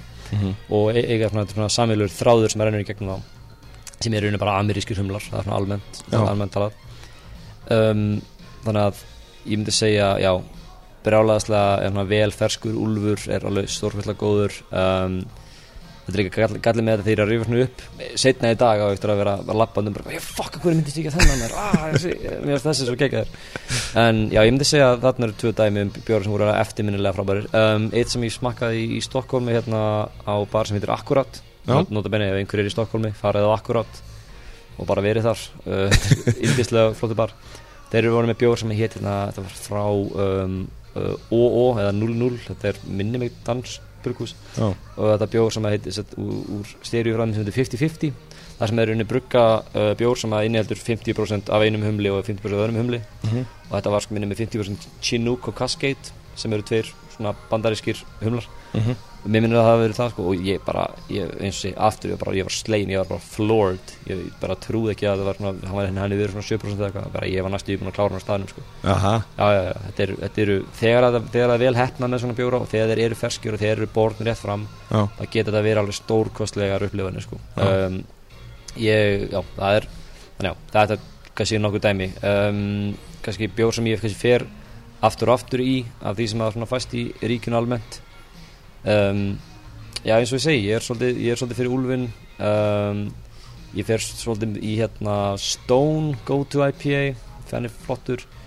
Um, já þetta er kannski ekkit neitt margir aðrir í hug en þetta er svona, já, nokkuð dæmi um svona Mm. pale ale sem ég er alveg, sem ég er mikið fyrir og hefur verið mikið fyrir mm. og eins og ég segi, ég mun muna hundra aðra bjóra setna Við hendum þeim bara inn í umfjölluna inn á uh, væsmenn.is Í guðana Eh, ég, ég verið mjög forröðun að fá að vita ég, ég, já, það er, er snild að fá að heyra hvað öðrum finnst gott og svoleiðis og já, mér er revið upp einhverja snild sem ég var búin að gleyma. Já, gera það klálega Já. En mér að peilil, ég myndi segja að það veri Sko nú hefur við aðeins verið að, nota þá Þú veist með mat. Mm -hmm. Það eru snildar, þetta er snildar algjörlega, sem matabjór ég meina eins og ba- segjum, segjum bara eins og einstök peilil bara Já, já. tölum um eitthvað sem er brjálæðislega að hægt að fá á mörgum stöðum. Mm -hmm. Einstök peilil í Bíóparadís bara er snild sko, ég var á dælu 500 bara hálflítur á Já, mér finnst hann vera alveg bara rosalega flottur. Það er bara í góðu jafnvægi það er uh, samspila með malts og humla þarna, maður finnur vel fyrir því. Um, og humla þeir eru er svona þessi svona sítrus karakter sem maður býst við Mhm. sem maður augljóslega finnur um, ákveðna samleið í ákveðnum kryddum. já, um, matur sem að, í rauninni getur hugsað um þannig matur sem að þú vilt fá með svona smá skvís af sítrus yfir, hvað sem Mhm. er læma sítrus einmitt, einmitt. Að vera með bjór sem býður upp á tóna sem að minna það sama. Það er svona svolítið augljóst að, svona, að, að það smeltur saman. Já, ég er, eins og ég ég er engin bjór og matarsafræðingur en, en því meira sem ég les um þetta ég er núna að lesa bók sem heitir uh, Brewmaster's Table. Já, skrifuð af Gerrit Oliver frá Brooklyn Brewery það er í alveg snildar bók sko. ok. Hún er bæði, um, kennir manni bæði um bjór og mat í rauninni ef þú vissir ekki neitt um mat fyrir Já, það hjálpar með það og þú vissir ekkert um bjór það hjálpar með það. Ok, þannig ég er að hjálpa, ég er að læra rosa mikið um það. Og ég, ef, ef ég geti munið allt sem ég las þar myndi ég örgulega er einhverja snild við hérna ætlaðum þetta að, að, hérna, að byggjum að senda mér um, einhverjum svona bækur og, Já, og hérna, það er- bjóra og eitthvað og gerum bara umfjöllun inn á, á Algjörlega. hérna, Ég- væsmann.is mæli eindrið með þessari bók Brewmaster's Table, hún er í rauninni bara skilduð fyrir alla sem hafa áhuga á bjór og mat og Já. samspil þeirra, hún kem, kemur úr 2006 en hún er samt ennþá bara brjálaðislega relevant. Ok, geggjað. Herru, næst ætlum við í kategóri sem við erum ekkert búin að spjalla um. allt í lagi. Það eru náttúrulega boltar. Við erum í porter og stát ah, akkurat það er náttúrulega eins og ég, já, það er the dark side The dark side það er ka kapitul út af fyrir sig sko. mm -hmm. það er svo margt sem hægt að gera með ristuðum allt sko. Þe- þetta er unni þetta er líkilatriðið í þessum stílum er unni bara að þarna eftir komin með í staðan fyrir að maltið í bjórnum sé svona kannski eh, létt ristað eða bara þú veist, e- ri- ristað eins létt og hægt er þannig að þú fær bara svona mjög fölan bjór með smá svona hveiti karakter, smá brauð karakter Já, það stundur fara niður í það að bara skella þessu í bara svona tromlu bara eins og með kaffibunir og ristinn og bragð og bragðtónanir og karakter sem fær út af því. Mm það er svo ótrúlega mikið sem hægt að leika sig með það. Og það býr til svo algjörlega nýjan heim og algjörlega nýja vít og mér að segja að þú getur byrjað lager með þannig. Það er bjór sem heitir bjórstíl sem heitir Schwarzbier sem er í rauninni bara með svona porterkarakter en hann er léttur eins og, eins og lager. Já, og það er eitt sem heitir um, Da Schwarze sem fæst í rík, ríkinu hér og þar. Já, rosalega gott dæmi með þetta. Ok. En Porter og Stout, já, þetta er náttúrulega upprunnilega frá Englandi eins og Pale Ale og IPA og þústemming uh, Í rauninni Hver, hver er megin munurinn á þessu? Eila? Porter og Stout, Já. þetta er í rauninni sagt, Porter er fyrsti stíli, það þróast bara upp úr bara aldamótunum 1800 ætla ég að lögum mér að segja að þróaði svona í kringum 1800 öld, 1700 eitthvað. Um, menn byrja sagt, í bara London, innbyltingin kemur menn byrja að brugga bjóri stórum stíl byrja að nota eitna, uh, byrjaði að nota bara brúntumalt mikið af brúnumalti búa bara til svona frekar brúnan dökkleitan bjór sem verður sem mjög vinsæll hjá um, verkamönnum e, í London sem að sáum það að ferja hluti á milli þannig að þeir voru, þeir voru porters. Já, já, já, og þannig þaðan kom nafna af bjórnum þannig að bjórstílinn hafi verið til áður en nafnið kemur eftir á. Ok. Uh, bara það að vinsæll hjá, vinsæll hjá þessum verkamönnum. Mhm. þannig að porter býr um, síðan gefum til sögunar minnum við 1817 þessi tromla Mhm. maður sem, heitir Dan, Daniel Wheeler finnur upp aðferð til þess að rista malt um, alveg byggsvart án þess að búkstala kveikja í því. Já, já, með svona óbeinum hitta nákvæmlega samáttu að gera með kaffi. Og þá er rauninni þar þurft í fyrir að hellinga brúnumalti þá notuðu bara uh, ljóstmalt í staðin sem var miklu öðldara að framleiða og útýra og dassa af þessu bík svarta malti. Og það fyrir sama lit. Mm. þannig að og í kjölfæri þá verður bjórin þurri það verður ekki, ekki jafn sætur eins og var með og bara með brúnmalt Mm þannig að þessi stíl þróaði svolítið og sem byrjuði með að bruga en sterkar útgáfa á porter og þá var kallaður stout porter. Bara, þetta er bara lýsingarorð stout. Mm. því er bara svona þjættur og, og, og kröftur Mhm. þannig að menn fengur að stout porter. Mm þannig að stout var sem bara stíluð út fyrir sig. Þannig að hann var þá yfirleitt aðeins ristaður og þurrari, sterkari heldur en porter. Mhm. En það er bara þannig í dag að yfirleitt þá er þetta aðalega spurning um prósendu, styrkleika. Já, porter almennt tala séð almennt tala ef björgus gefur út porter þá er það dökkur ristaður bjór sem er samt nokkuð auðdreknalegur og ekkert sérstaklega sterkur kannski 5% gefur teik mm og ef menn brugga stát þá er það yfirleitt aðeins sterkari um, og sen eru náttúrulega undirflokkar þar. Um, og flestum tilvíkum núna þegar menn er að brugga stát um, fyrir eitthvað svona smá brugghús þá er það einhvers konar imperial stát sem er þá sko kannski segjum 8% og upp. Já, um, og stundum alveg lengst upp. Og menn eru með bara 15% stát einhverja tunnu þroskaða eitthvað brjálaði sko. Já, já.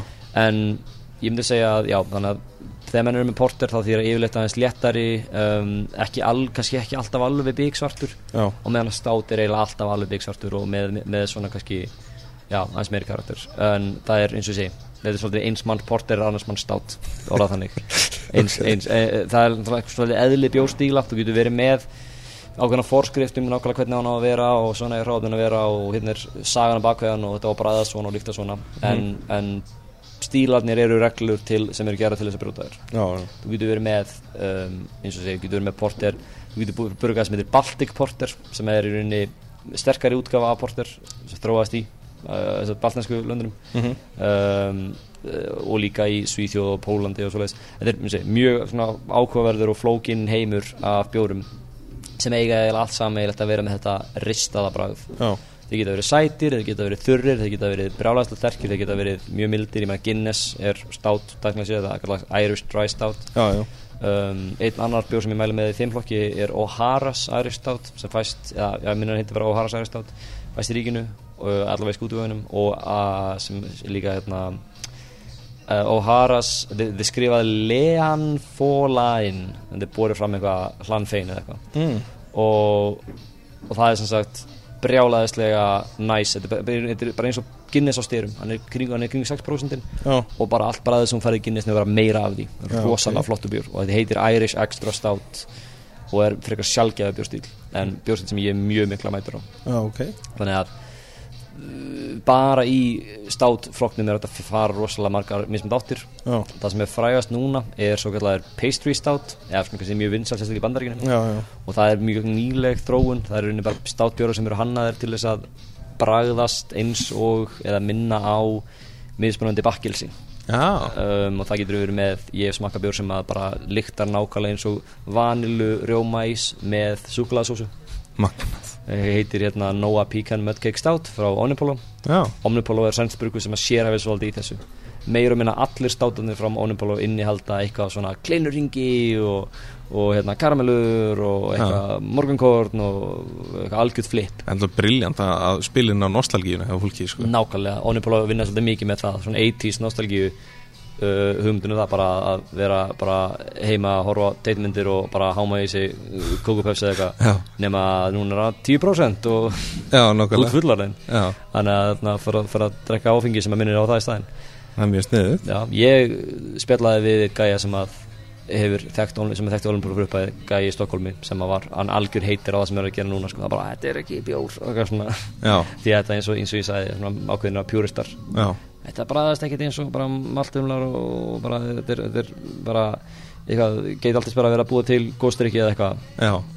En eins og segi, þetta er uh, það má alveg sjá báðar liðar á þessu máli. Er aukning í, í drikkju á þessum stíli? Mm, Það er allavega aukning á framleiðslu á Íslandi. Það er, það er að segja að það einu sinni var bara einfallega þessi stíl var ekki búin til. Nei, en núna erum við með bjór eins og Bjössi Bolla frá Malbygg við vorum með hérna eitt, bjór, eitt surtur frá Borgbrugu sem var brugaði með Gunnars kleinurhingjum já, ok.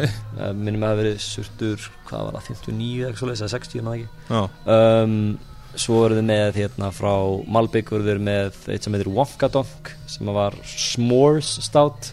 Já, björbantunum þorskaðar um, þannig að og náttúrulega uh, Reykjavík brúin er með sem heitir sem er sem sagt Reykjavík brúin Co það er, það er eitt kóið Já. og Brauðakó er hitt kóið og þeir nota sem sagt um, hérna, afgangs uh, sem sagt snúða, kanilsnúða uh, út í bjórun hvað það er sjúklega sniðið mm þannig að það bragðast bara á lyktar að lykta sérstaklega bara eins og kanilsnúðar. Ég, ég, ég er endar fekk smakk, svona blindsmakkaði um daginn Já, og ég fekk mikið svona lakrís, svona anískarakter. En síðan ef ég smakkaði hann áður og þá bara, finn ég bara kanilsnúðin bara, bara mjög þrýviðan kanilsnúð bara sé hann bara beint frá mig já, þannig að þetta er nýleg þróun í stát heiminum. Uh, að menn er að brugga svona á tunnuþróska státbjóra. Mhm, það er, ég meina, ég skal bara segja alveg svo er að mikið af bestu bjórum sem ég hef smakkað á minna æfi hafa verið tunnuþróskaði stát. Mhm. Surtur 8,8 hann er gemdur á hérna, uh, það var hvað var það ekki konjak og viskitunum mhm, uh, og það ég smakkaði hann þetta er bara einn besti bjór sem ég smakað. Það er bara punktur, það er bara fáranlegur Já. Surtur 8,8 ef við getum fundið hann bara að kaupa hann sko.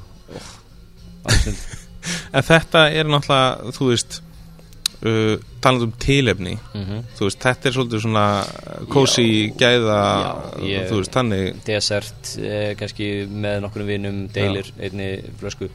Uh, inni mín að þú veist, ég þekki menn sem að hafa alveg styrtað svona einum í sig, bara heima á sér eitthvað í góð chili sko. sumir eru bara svolítið grimmið með þetta. En ég myndi segja almennt séð ef þú ætti að hugsa um bjór fyrir hvert tilefni þá eru þetta bjórar sem eru svona fyrir kvöldið og svona aðeins eftir mat og já, en svona sparibjórar Já, nákvæmlega, pínu sparibjórar. Og Já. ég hef talað aftur um, ég, ég talaði aldrei um kraftbjór þegar ég var að byrja í þessu, ég talaði alltaf um fancy bjóra.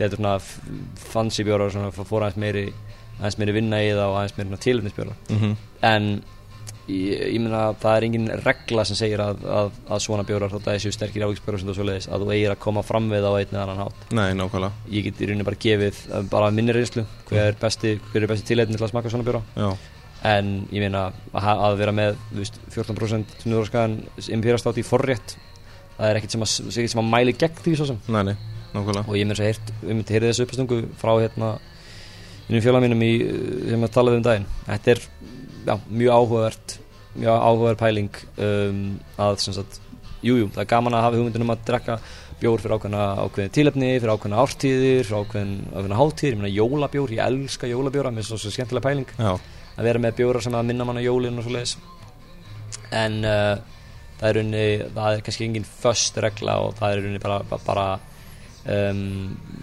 hindrandi fyrir nýsköpun og fyrir að bara búa til nýja snild að vera að setja því svona í hólf já, ég alveg samanlegar og, gaman og ég hef nú að því að setja hluti í hólf Já. en þetta er náttúrulega má heldur ekki hamla því að fólk pröfi nýja hluti nákvæmlega og, og gott dæmi um það ég, hérna, í þættinum um, Karef, nei, Íslandsvinnur sem kom hérna uh, hann Inigo frá Barondilei sem er vinnframlandi á Spáni Mhm. að þá tala hann einmitt um sko að að þeir væru svolítið svona frekar til í að opna það, þá möguleika að, að þú veist þeir voru að byrja að búa til kvítvin sem að gengur vel með ráskingu og Mhm. þú veist ekkert endilega að, að því við erum svo fljóta tengja bara já, hvítvin með fisk, Já, rauðvin með, já, með já, hérna nöyti skilur við en, en einmitt ég væri til í að experimenta með þetta. Ég meina hvernig allir stát sé með bara þú veist, já, eins og einhverjum forrétt Já, það, það er algjörlega, ég meina það opnaði svolítið þessi bók sem ég var að tala um, hérna Brewmaster's Table, það, það er kaplinum stát er rosalega spennandi. Já, það er unni því, þá talar hann um kannski, hann talar um að para saman stát og eftirrætti hann er unni, kannski, það er kannski fjórður hluturinn sem hann talar um. Ok. Þar á undan talar hann um hvað par, parast hvað parast vel með þessum og þessum réttum og ég skal viðkynna það, er oft sem hann er að ég þurft að googla mikið sem hann talar um sko. já, ok, ég bara, hvað er döðanum er cassoulet? Eitthvað. Lesa eitthvað svona súp, já ok, ok, mikið aðeins og séðan kom það, séðan var það hægstur í spurning á hérna, Cicerón-prófunu mínu. Já, það sér þið Já, þau töluðum kassuleg og lístu síðan svona hráðunum í því og hvað bjóri myndi velja og hvernig það myndi parast við. Já, þá þarf maður með rauninu bara að skilja um, svona sem kallast hérna uh, majard viðbröðin og svoleiðis það gerist bæði í þegar eldar mat það er svona brúnun og svoleiðis það gerist bæði í maltinu þegar bjórinn er, áður en að bjórinn er bruggaður.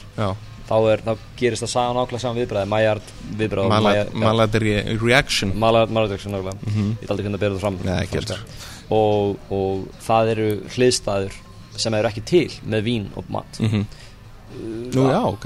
Allt, sem- það er ekkert- það er það er ekkert mæjart reaksjón í víni. Nei. það er alltaf að því sem best veit Nei, nei, og ég meina bara til dæmis uh, chili hitti sterkur matur og vín.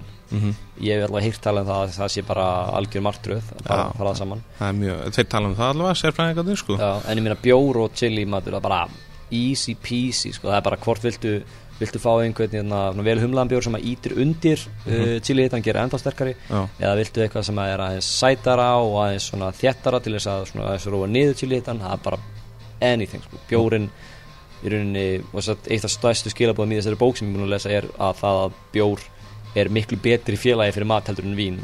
Menn alveg brjálæðir að lesa þetta en, en, en það er bara þannig að bjór er miklu fjölhæfari félagi fyrir mat heldur en vín. Og það er vegna þess að það er miklu breyðara hérna, bil af bræðtegundum og miklu stærri heimar af bræðtegundum sem að geta komið eftir, með mismunandi bjórum og fyllt inn í mismunandi þarfir. Já, þetta er algjörlega Ég held að það sé bara fáfræði sem kemur í, í ljós þarna sko. Og ég bara við ekki það algjörlega ég er, ég er ennþá tiltölulega fáfróður um þetta sko. ég, ef þú myndir segja, ef þú myndir nefna rétt núna þá myndir ég bara fara í bara kleinu við það að reyna finna upp á einhverjum stíl og útskýra hvað setna sko. Vi- Við tökum recap þátt eftir akkurat ár og þá erum við báðir orðinir sjóðar í þessu. Er er Herðu, sko uh, Ég fór uh, náttúrulega í því ferli þegar ég var að googla þig. Mm alveg gaman. Ég, gaman að ég er ekki lengur svo einu sem er að googla mig. Ég tjekka því maður bara hvað er fólk að skrifa um mig en já, hérna, Þá sérst, komst ég að því að þú varst í fyrra að undirbúa heimilda þetta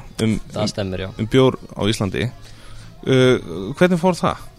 Ölæði hétt verkefnið Geggjanat, mjög ánægð mjög ánægð með það bara snild. Já, ég var svo að vinna því samstarfi við uh, Flugu hugmyndahús sem var svo að farmæslu fyrirtæki á Akureyri Já, sem hefði unnið við það að gera hluti fyrir uh, rúf og alls konar, gera heimildamyndir og svo leiðis og hugmyndin var raunin bara að gera heimildahætti ég ég var búin að hafa sambandi við öll burgus á landinu á þeim tíma já, sem er raunin það er ekki búið að breyta það mikið það eru svipið af mörgu að voru. Já. Og það var bara einróma já, það var bara allir til í þetta. Með þess að sumir sem voru bara að setja græðunar inn en þeim var alveg sama, bara góndu. Já, um, þannig það var komið inn uh, en það sem vantaði í rauninni var peningarnir, Já. fjármagnið. Uh, bara þetta var bókstala bara spurning um að borga uh, flugu humdúsi í rauninni. Bara mm Mhm. tökumenn uh, flutningakostnaður, launin þeirra í rauninni. Mhm, gera þetta bara eins vel og gætum. Hugmyndin var að vera með ég man ekki hversu margir þættir þetta átt að að vera hvort það hefur verið hugmyndin var að það hefur verið 30 brukhús eitthvað svo leiðis eða 20 eitthvað brukhús að vera þá með þrjá þetta eru þá þrjú korter per þáttur eða hálftími per þátt og tíu mínútur per brukhús og það var, það var stór regla sem ég var með ég mjög að vera mjög mikilvægt að öll brukhús saman hvort það veri Eils, Viking Já. eða bara Draugur sem að ég ég veit ekki eins hvort að það sé enda á í gangi en það var allavega smá brugverkefni þá Mhm. draugur uh, um, að það fengu öll tíu mínútur að Já. allir skildu fá jafnan tíma það var sem Mhm. er mjög mikilvægt um, ég ætla að fara smá yfir sögu Björns á Íslandi. Ég ætla að fá Stefán Pálsson til að tala, til að tala við mig um hérna, kannski sögu bara í rauninni saga Björns á Íslandi frá landnámi til 2005 já, nokkuð. Það er kannski það, það, er, það er hægt að ganga frá því nokkuð fljótlega held ég. Já, það er mjög áhugavert með það. Auðvitað náttúrulega eins og með bjórbannið og þetta. Já, rauninni hvað var í gangi fyrir bjórbanni það er ekkit, ég, ég veit ekki hversu mikla heimildur eru til um það. Ég var til að, að einhverjum myndi skrifa bók um það. Já, ég minnst, því. minnst þetta áður að, að þeirst einhver að taka saman bók og virkilega skrifa um bara sögu bjórs á Íslandi frá, lægins sem sé, frá vandamnið 2005 og síðan frá 2005 til lagsins í dag. Já, því það eru tvær, held ég, örgulega jafn langar sögur. Það við hafum ekki búið að gerast. Eða meira bara. Sko þessir þættir, þetta er náttúrulega eitt af því sem að kveiktu svolítið á því að ég var svona samfærist um að þú væri fyrsti viðmælandin Alright. venna þess að svona verkefni verða bara að fara í gang. Já, já, algjörlega. Ég, ég meina, eins og sé, eina ástæðan fyrir að ég gerði ekki var bara að ég, ég stofnaði Karolina Fund og ég til að sapna fyrir þetta og ég bara náði ekki upp í markmiðið og, og á sama tíma var verið að bjóða mér þessa vinnu eða skömmu setna ekki Mhm. búið um að vinna á Blúður Reykjavík þannig að ég ákvað bara að setja þetta uh, bara í, Á hold Já, setja bara á hold, setja bara á klaka og, en ég meina, þetta er draumur ennþá og menn, draumar degi ekki sko þannig að ég, þetta er klálega eitthvað sem ég hefði ennþá áhuga á að gera. Og í rauninni er, er núna þannig sér kannski ennþá betri aðstæði til að gera þetta því að núna hef ég hitt meiri lögðun af þessu fólki. Já. ég var náttúrulega bara að senda e-mail sko. En, en núna er þetta fólk sem að bara er uh, kunningjar og sem er vinni mínu sko. Þetta, ég, ég vil að þessi þáttur fari í loftið. Mm. og ef það er eitthvað sem að væsmenn getur gert til Já, þess að, til þess að hérna, hjálpa þér í tíu þá klálega veistu á því. Það er bara endilega. Herðu, svo ætlum við að fara aðeins að tala um uh, uh, þetta fer nú svona að síga í setnum hlutan mm uh, sko, við ætlum að aðeins að fara yfir hérna námskeiðin sem þetta að, að, að halda. Já, það eru náttúrulega uh, hvað, tvö, þrjú viðbót fyrir, fyrir uh, jól. Ég held að það stemmi, já. Það er, mér minnir að, að hvað er margir 50 dagar já, ég, það er náttúrulega ég, ég fer, ég fer í dag eða í kvöld? Já, akkurat, já, já, algjörlega. og svo hérna, svo náttúrulega bara næstu tveir, ekki, 12. já. og 19. des Jú, ég held að það stemmi, já, síðan er ég farin norður. Já, Ég heita fólkið mitt. Já, Já, akkurat, ég sem sagt er með kynningar uh, Þetta er okkur nefndir fyrir deg Þetta er sexbjóra smakk. Já, um, Og ég rauninni, það fer ég yfir Það sem ég reyna alltaf að gera Þetta er að Það skiptir rauninni ekki máli nákvæmlega hvaða bjóri ég er með hverju sinni. Það breytist viku frá viku. Það Mhm. verður bara eftir hvað er til hjá okkur Og hvað ég er í stöði að vinna með. Mhm, Og ég geri yfirleitt þannig að ég byrja með eins og sé Byrja með léttan, ljósan bjór Og Mhm. við ræðum hann og bara tölum virkil Fyrir maður í sauman á því. Og ræðum bruggferlið mhm, og hráefnin og hvernig þau tengjast bræðinu sem við finnum í glasinu. Mhm. því að af minni reynslu að mín nálgun sagt gengur svolítið út frá því að ef þú kennir fólki á grunnstóðir bjórsins mhm, og bruggfer, bruggferlið í grófu dráttum þá getur í rauninni þá ertu búin að vopna fólk svolítið búin að gefa þeim verkværin til þess að smakka hvaða bjór sem er og kannski spyrja spurninga upp á sér einstæmi og skilja um, já, þessi bjór er dökkur þannig að já, er, er mikið að ristum alltið eða er, er, er það erna, meira af svona uh, kannski, hvernig, hvernig fengstu bræðið á já, og skilja já, er þetta lagaði bjór, ok, þá veit ég að það er minni svona karakter frá gerinu og þetta er meira bara maltu og humlarnir og me- meira svona clean og auðvöldar að drekka og eitthvað já, bara svona í rauninni grunnatriðin um skilning á bjór mhm, og náttúrulega vonandi líka kveikja upp einhvern áhuga og fólk fara að læra meira sjálft og næst þegar það fara í vínbúðan eða næst þegar það fara að veitingastað að hafi aðeins meira sjálfsöryggi Mhm. þegar kemur að að velja hluti Já. þannig í rauninni það er það sem ég, ég vil gera fyrir fólk er bara í rauninni að, að hjálpa þeir að hjálpa því að taka fyrsta skrefið sitt inn í bjórheimin. Nákvæmlega. Og það bara finnir svo það fyrr ég, ég hef lent í því að því ég var að vinna á, allavega á R5 og Akureyri að fólk kom til mín eftir kynningar og bara, "Hey, ég gifti þennan bjór sem ég sá hérna hjá Já, já. þér gifti henni ríkjuna og hann er alveg geggjaður og já, þannig að kynna fólk fyrir bjór sem hefði annars aldrei, hugsanlega aldrei smakkað eða kannski miklu setna smakkað já. er mjög gefandi fyrst mér. Það er geggjað. Og þú veist, það er náttúrulega bara öllum í hag að þú sért að gera nákvæmlega þetta sko. í rauninni, já, ég meina ég, ég hef mjög gaman af þessu. Um, ég veist, þetta er svona frekar frjálst flæði hvernig ég ger þetta oft. Ég tek við spurningum alveg hægri vinstri þannig að fólk kemur með einhverjar skemmtilegar og áhugaðar spurningar og að það kannski ég bara slá mann sinum pínu pínu á læginum bara ég hef aldrei pælt í þessu maður. Og það er mér stakkt snild, mér finnst það geggjað. Mhm. um, Það er náttúrulega fæn þig bara til þess að fara og tjekka þessu. Nákvæmlega, og þannig var þetta alltaf fyrst þegar ég var að byrja, það er einu stóra ástæðan fyrir því að ég byrjaði að læra og fór í þetta Cicerone nám var bara þess að ég vildi og ég grínir svolítið með það að mitt hlutverk á Brúdók er í rauninni, ég er sá starfsmæður sem er erfiðast að reyka á gat þegar kemur að, að bjórþekkingu og, og bjórspurningum Já, þannig að þetta er eitthvað sem ég, eitthvað sem ég er mjög gaman af. Um, þannig að já, fólk mæti bara það er að skrá sig á brúdók.is þetta heitir þetta The Only Serve at Cicerone in the Village. Mm fólk bara ég, það var ekki, ekki ég sem kom ég, skulum segja að ég er svona búinn að venjast því. Já, það ekki. Ég var svolítið kjánlega ég sagði bara, já, fínt, Þú mátt alveg vera stoltur af þessu. Já, já, það er eins og þig, ég vona að ég verða ekki lengi, sko, ég veit um það eru tveir starfsmennar brúdók sem er að vinna í því að fara að læra fyrir þetta, Ok, þannig að vonandi verði ég ekki sá eini lengi. Það er bara mjög cool. En þú eru alltaf fyrstur. Já, ég, ver, ég get, ég get monta með því. En þessar kynningar eru þannig, já, við, við förum ekki sex bjóra, smökkum og mismunandi stíla og tölum um þetta. Þannig að, og það er matur með, það er alltaf svona, smá matarsmakk með. Mhm.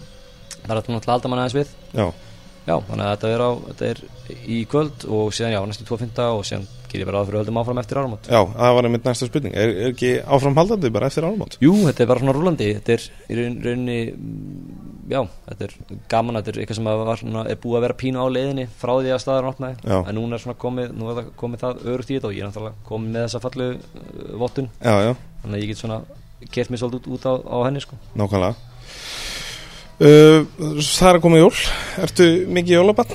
Já, ég, ég er mikið jólabann, alveg, sko, og ég er, en ég er líka mikill jólapuristi, sko, það er fyrir mér, það er bannað að borða pippikökur og hlusta á jólatónlist í november er bara ég er bara desember, fyrsti sunnudari aðvendu Já, þá byrjaði ég að hlusta á jólatónlist. Það er bara, ég er, og þá má blasta því það bara var blastaði sko. Ég var, ég var eitna, uh, á úti með fólki og var að vera að spila jólatónlist á barnum og ég var bara að fíla mig sko. Já, um, ég, já, ég mikill áhugaður um jóla bjór auðvarslega, mér jóla bjór aðeinslegur mér finnst jóla tónlist aðeinsleg ég, skal hann að skreita ég náttúrulega, eins og ég, ég fólða mínu búið fyrir norðan, ég kem til þeirra og það er yfirleitt tölvöld mér í snjór heldur en hérna. Já miklu jólalega Já, sko. nákvæmlega, það er alveg, oh, ég, alveg við erum með, við, þau eru með heitan pott og Já. það maður fyrir út í hann og það er snjór út um allt og maður er með einhvern yngra sleggju, Já. rosalega stóran bjór og það er bara, oh, það er best í heimi. Talandi um að skreita Skreita bjórnordar hjá sér með jólabjór kannski Ég séð það. Ég, hérna, ég gerði það þegar ég var að leiða Við vorum að leiða þrjú félagarnir saman og við byggum til hérna, aðvendukrans úr Já. bjórdósum. Vorum bara með svona sprittkerti ofan á bjórdósunum. Já, ok. Þannig að, veist, en ég veit ekki hvort að menn, menn eru mjög líklega alveg með eitthvað svona sér, sér. Ég meina, sko mála þannig að sérstaklega í bandaríkjunum þegar þetta var svona að byrja Já, svona auðla húmor og svona svona, uh, svona cheesy jólaskraut hendaði mjög vel fyrir bjórsenuna þar. Og ég sé alls konar rosalega svona tíkalla eh, brandara eitthvað rosalega slaft hérna jólaskraut. Jólasetnin að fá sér að drekka og eitthvað rútul með rauðin yfir því að hann var að fá sér og rosalega lélegt en það er bara fyndið og gaman. Já, það er geggjað. Mm um, Sko Við ætlum að mæla klálega með því að fólk fari á brúdögg og kynnist svona brúdögg aðeins, aðeins betur. Já, náttúrulega, ekki búin að tala um fyrirtæki sem unni á. Nei, um, þetta er svona búið að vera meira um þig bara sem Já, vissulega, vissulega. Já, já. En já, Brúdók Reykjavík Þetta er, þarna, við erum við segjum með 20 bjóra dælu, við erum uh, alltaf helmingurna, að minnskut helmingurna bjórnum okkar eru frá Brúdók Brúdók er sem sagt skost brukus Mhm. sem er stopnað 2006-7 byrjar sem bara heimabrukaverkinni hjá tveimur fjölum og, og hundi þannig að það kemur nafnið Brúdók Já, ok. Gæjar í bílskutum hjá mömmu annars aðra minni mig. Já, og síðan bara eru þið rosalega færir og, og, og hafa rosalega hæfileika fyrir markasetningu og, og svona koma, koma sér framfæri og svona menn sem þorðu svolítið nák, bara þeirra í rauninni stef alla tíð er bara búið að vera að þóra og láta vaða á það Já, og minna, í Skotlandi að vera að brugga einhvern amerískan IPA var svolítið steikt hugmynd en Já. þeir voru kannski ekki fyrstir en þeir voru fyrstir til þess að virkilega orðanir Punk IPA sem er þeirra frægasti bjór og þeirra sjöluðasti bjór var fyrsti IPA hjá rosalega mikið fólki í, ekki bara í Skotlandi heldur líka bara í Breitlandi öllu. Ok.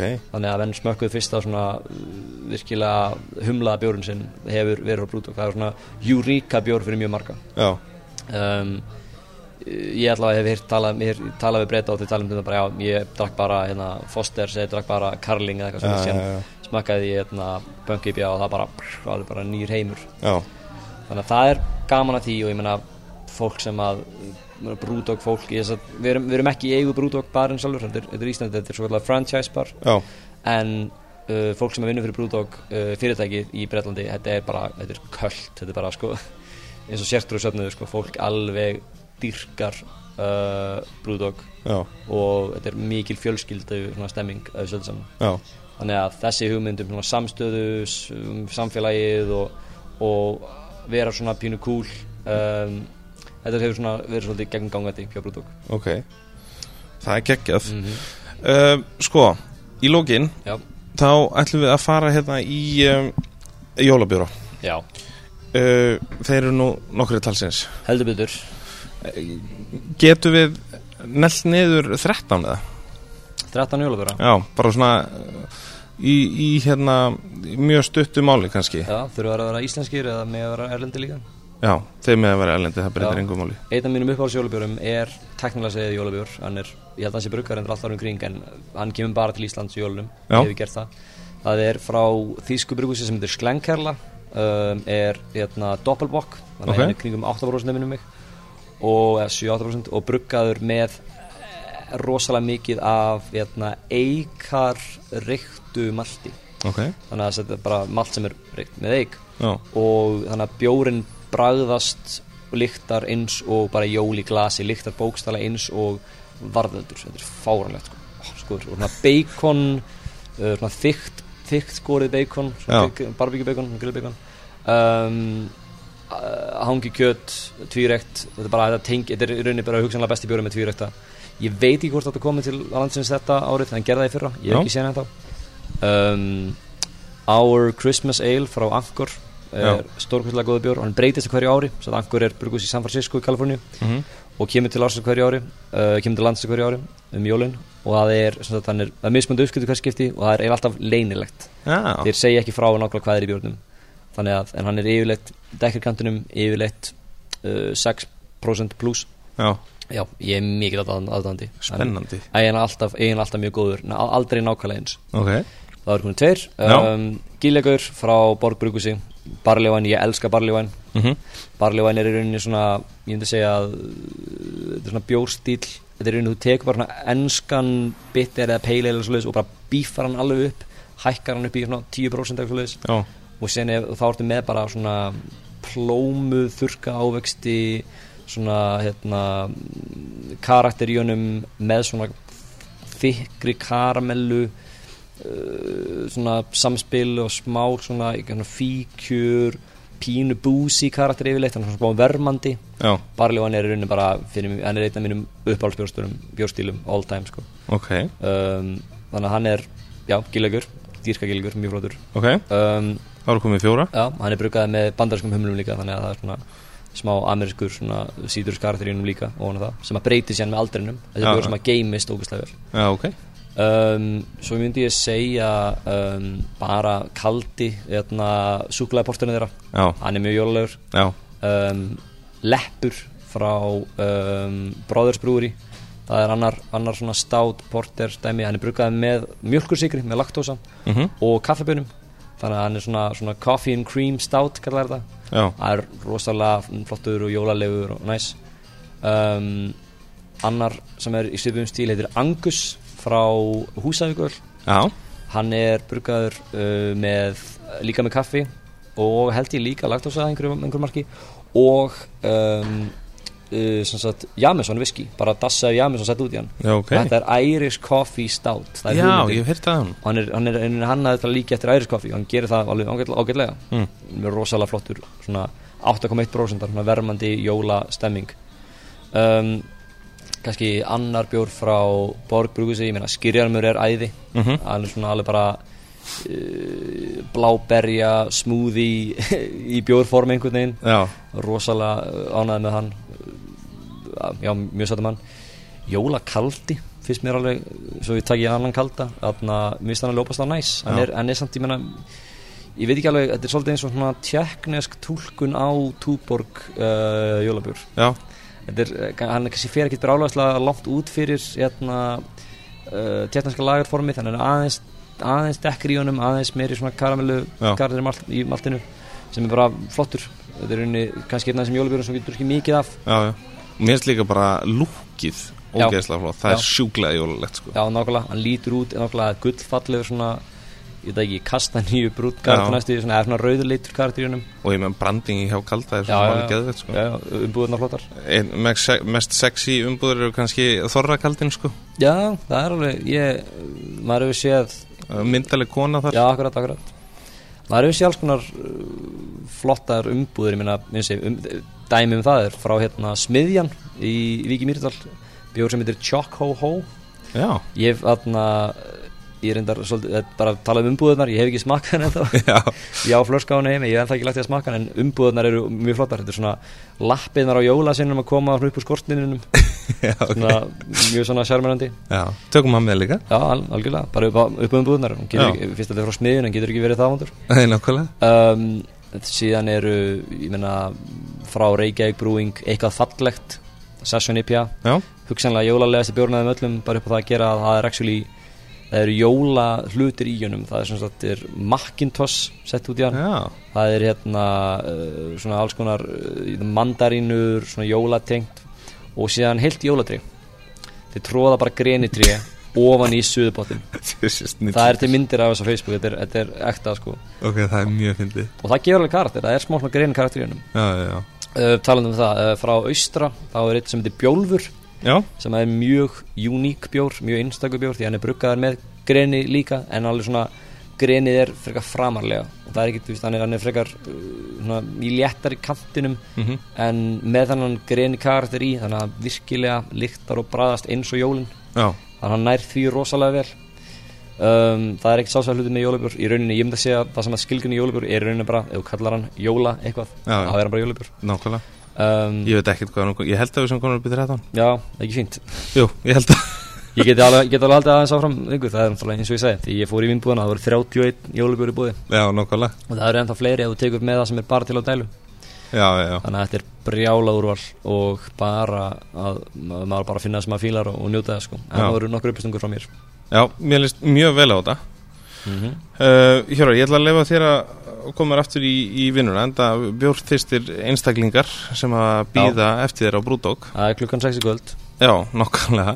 Rosalega, rosalega gott að ég, ég er svona 99% vissum að það sé rétt hjá mér. Já, ég ætti alveg að vita þetta en ég fæ alltaf bara svona eða 8 eða 7 það er, það er klukkan 6 það er þess að Ég ætla mér þess að staðfesta það, ég er búin að tjekka því. Þegar ég googlaði þig þannig að það er klukkan 6 í kvöld. Segir kannski hvað, hvað ég er afslapað með allt saman. Hvað var þetta, hvað var þetta já, ég, er, ég er búin að velja en þannig að já, við sjáum klukkan 6 í kvöld. Já. Og ég er náttúrulega bara 15 í næsta eða þann næsta. Nákvæmlega. Uh, Hjörvar, snild að fá þig. Uh, Takk kærlega fyrir að koma í þennan fyrsta þátt af bjórdælinu í Happy Hour. Já, og, og eigðu gleðilega hátíð. Sömulegis, takk kærlega fyrir mig. Bara þangar til næst. Takk. Þar hafið þið það gærur hlustundur ótrúlega fróðlökur um bjór sem uh, Hjörvar býr yfir og hvetur vænsmenn allt bjór og á fólk til að kíkja á bílesens með Hjörvari á Brúdók hið snarasta. Minnum á að létt uppkast og það helsta sem kom fram í þettinum á eða nálgast á heimasíðinni vænsmenn.is auk annars fróðlegs um allt það helsta úr uh, barheiminum.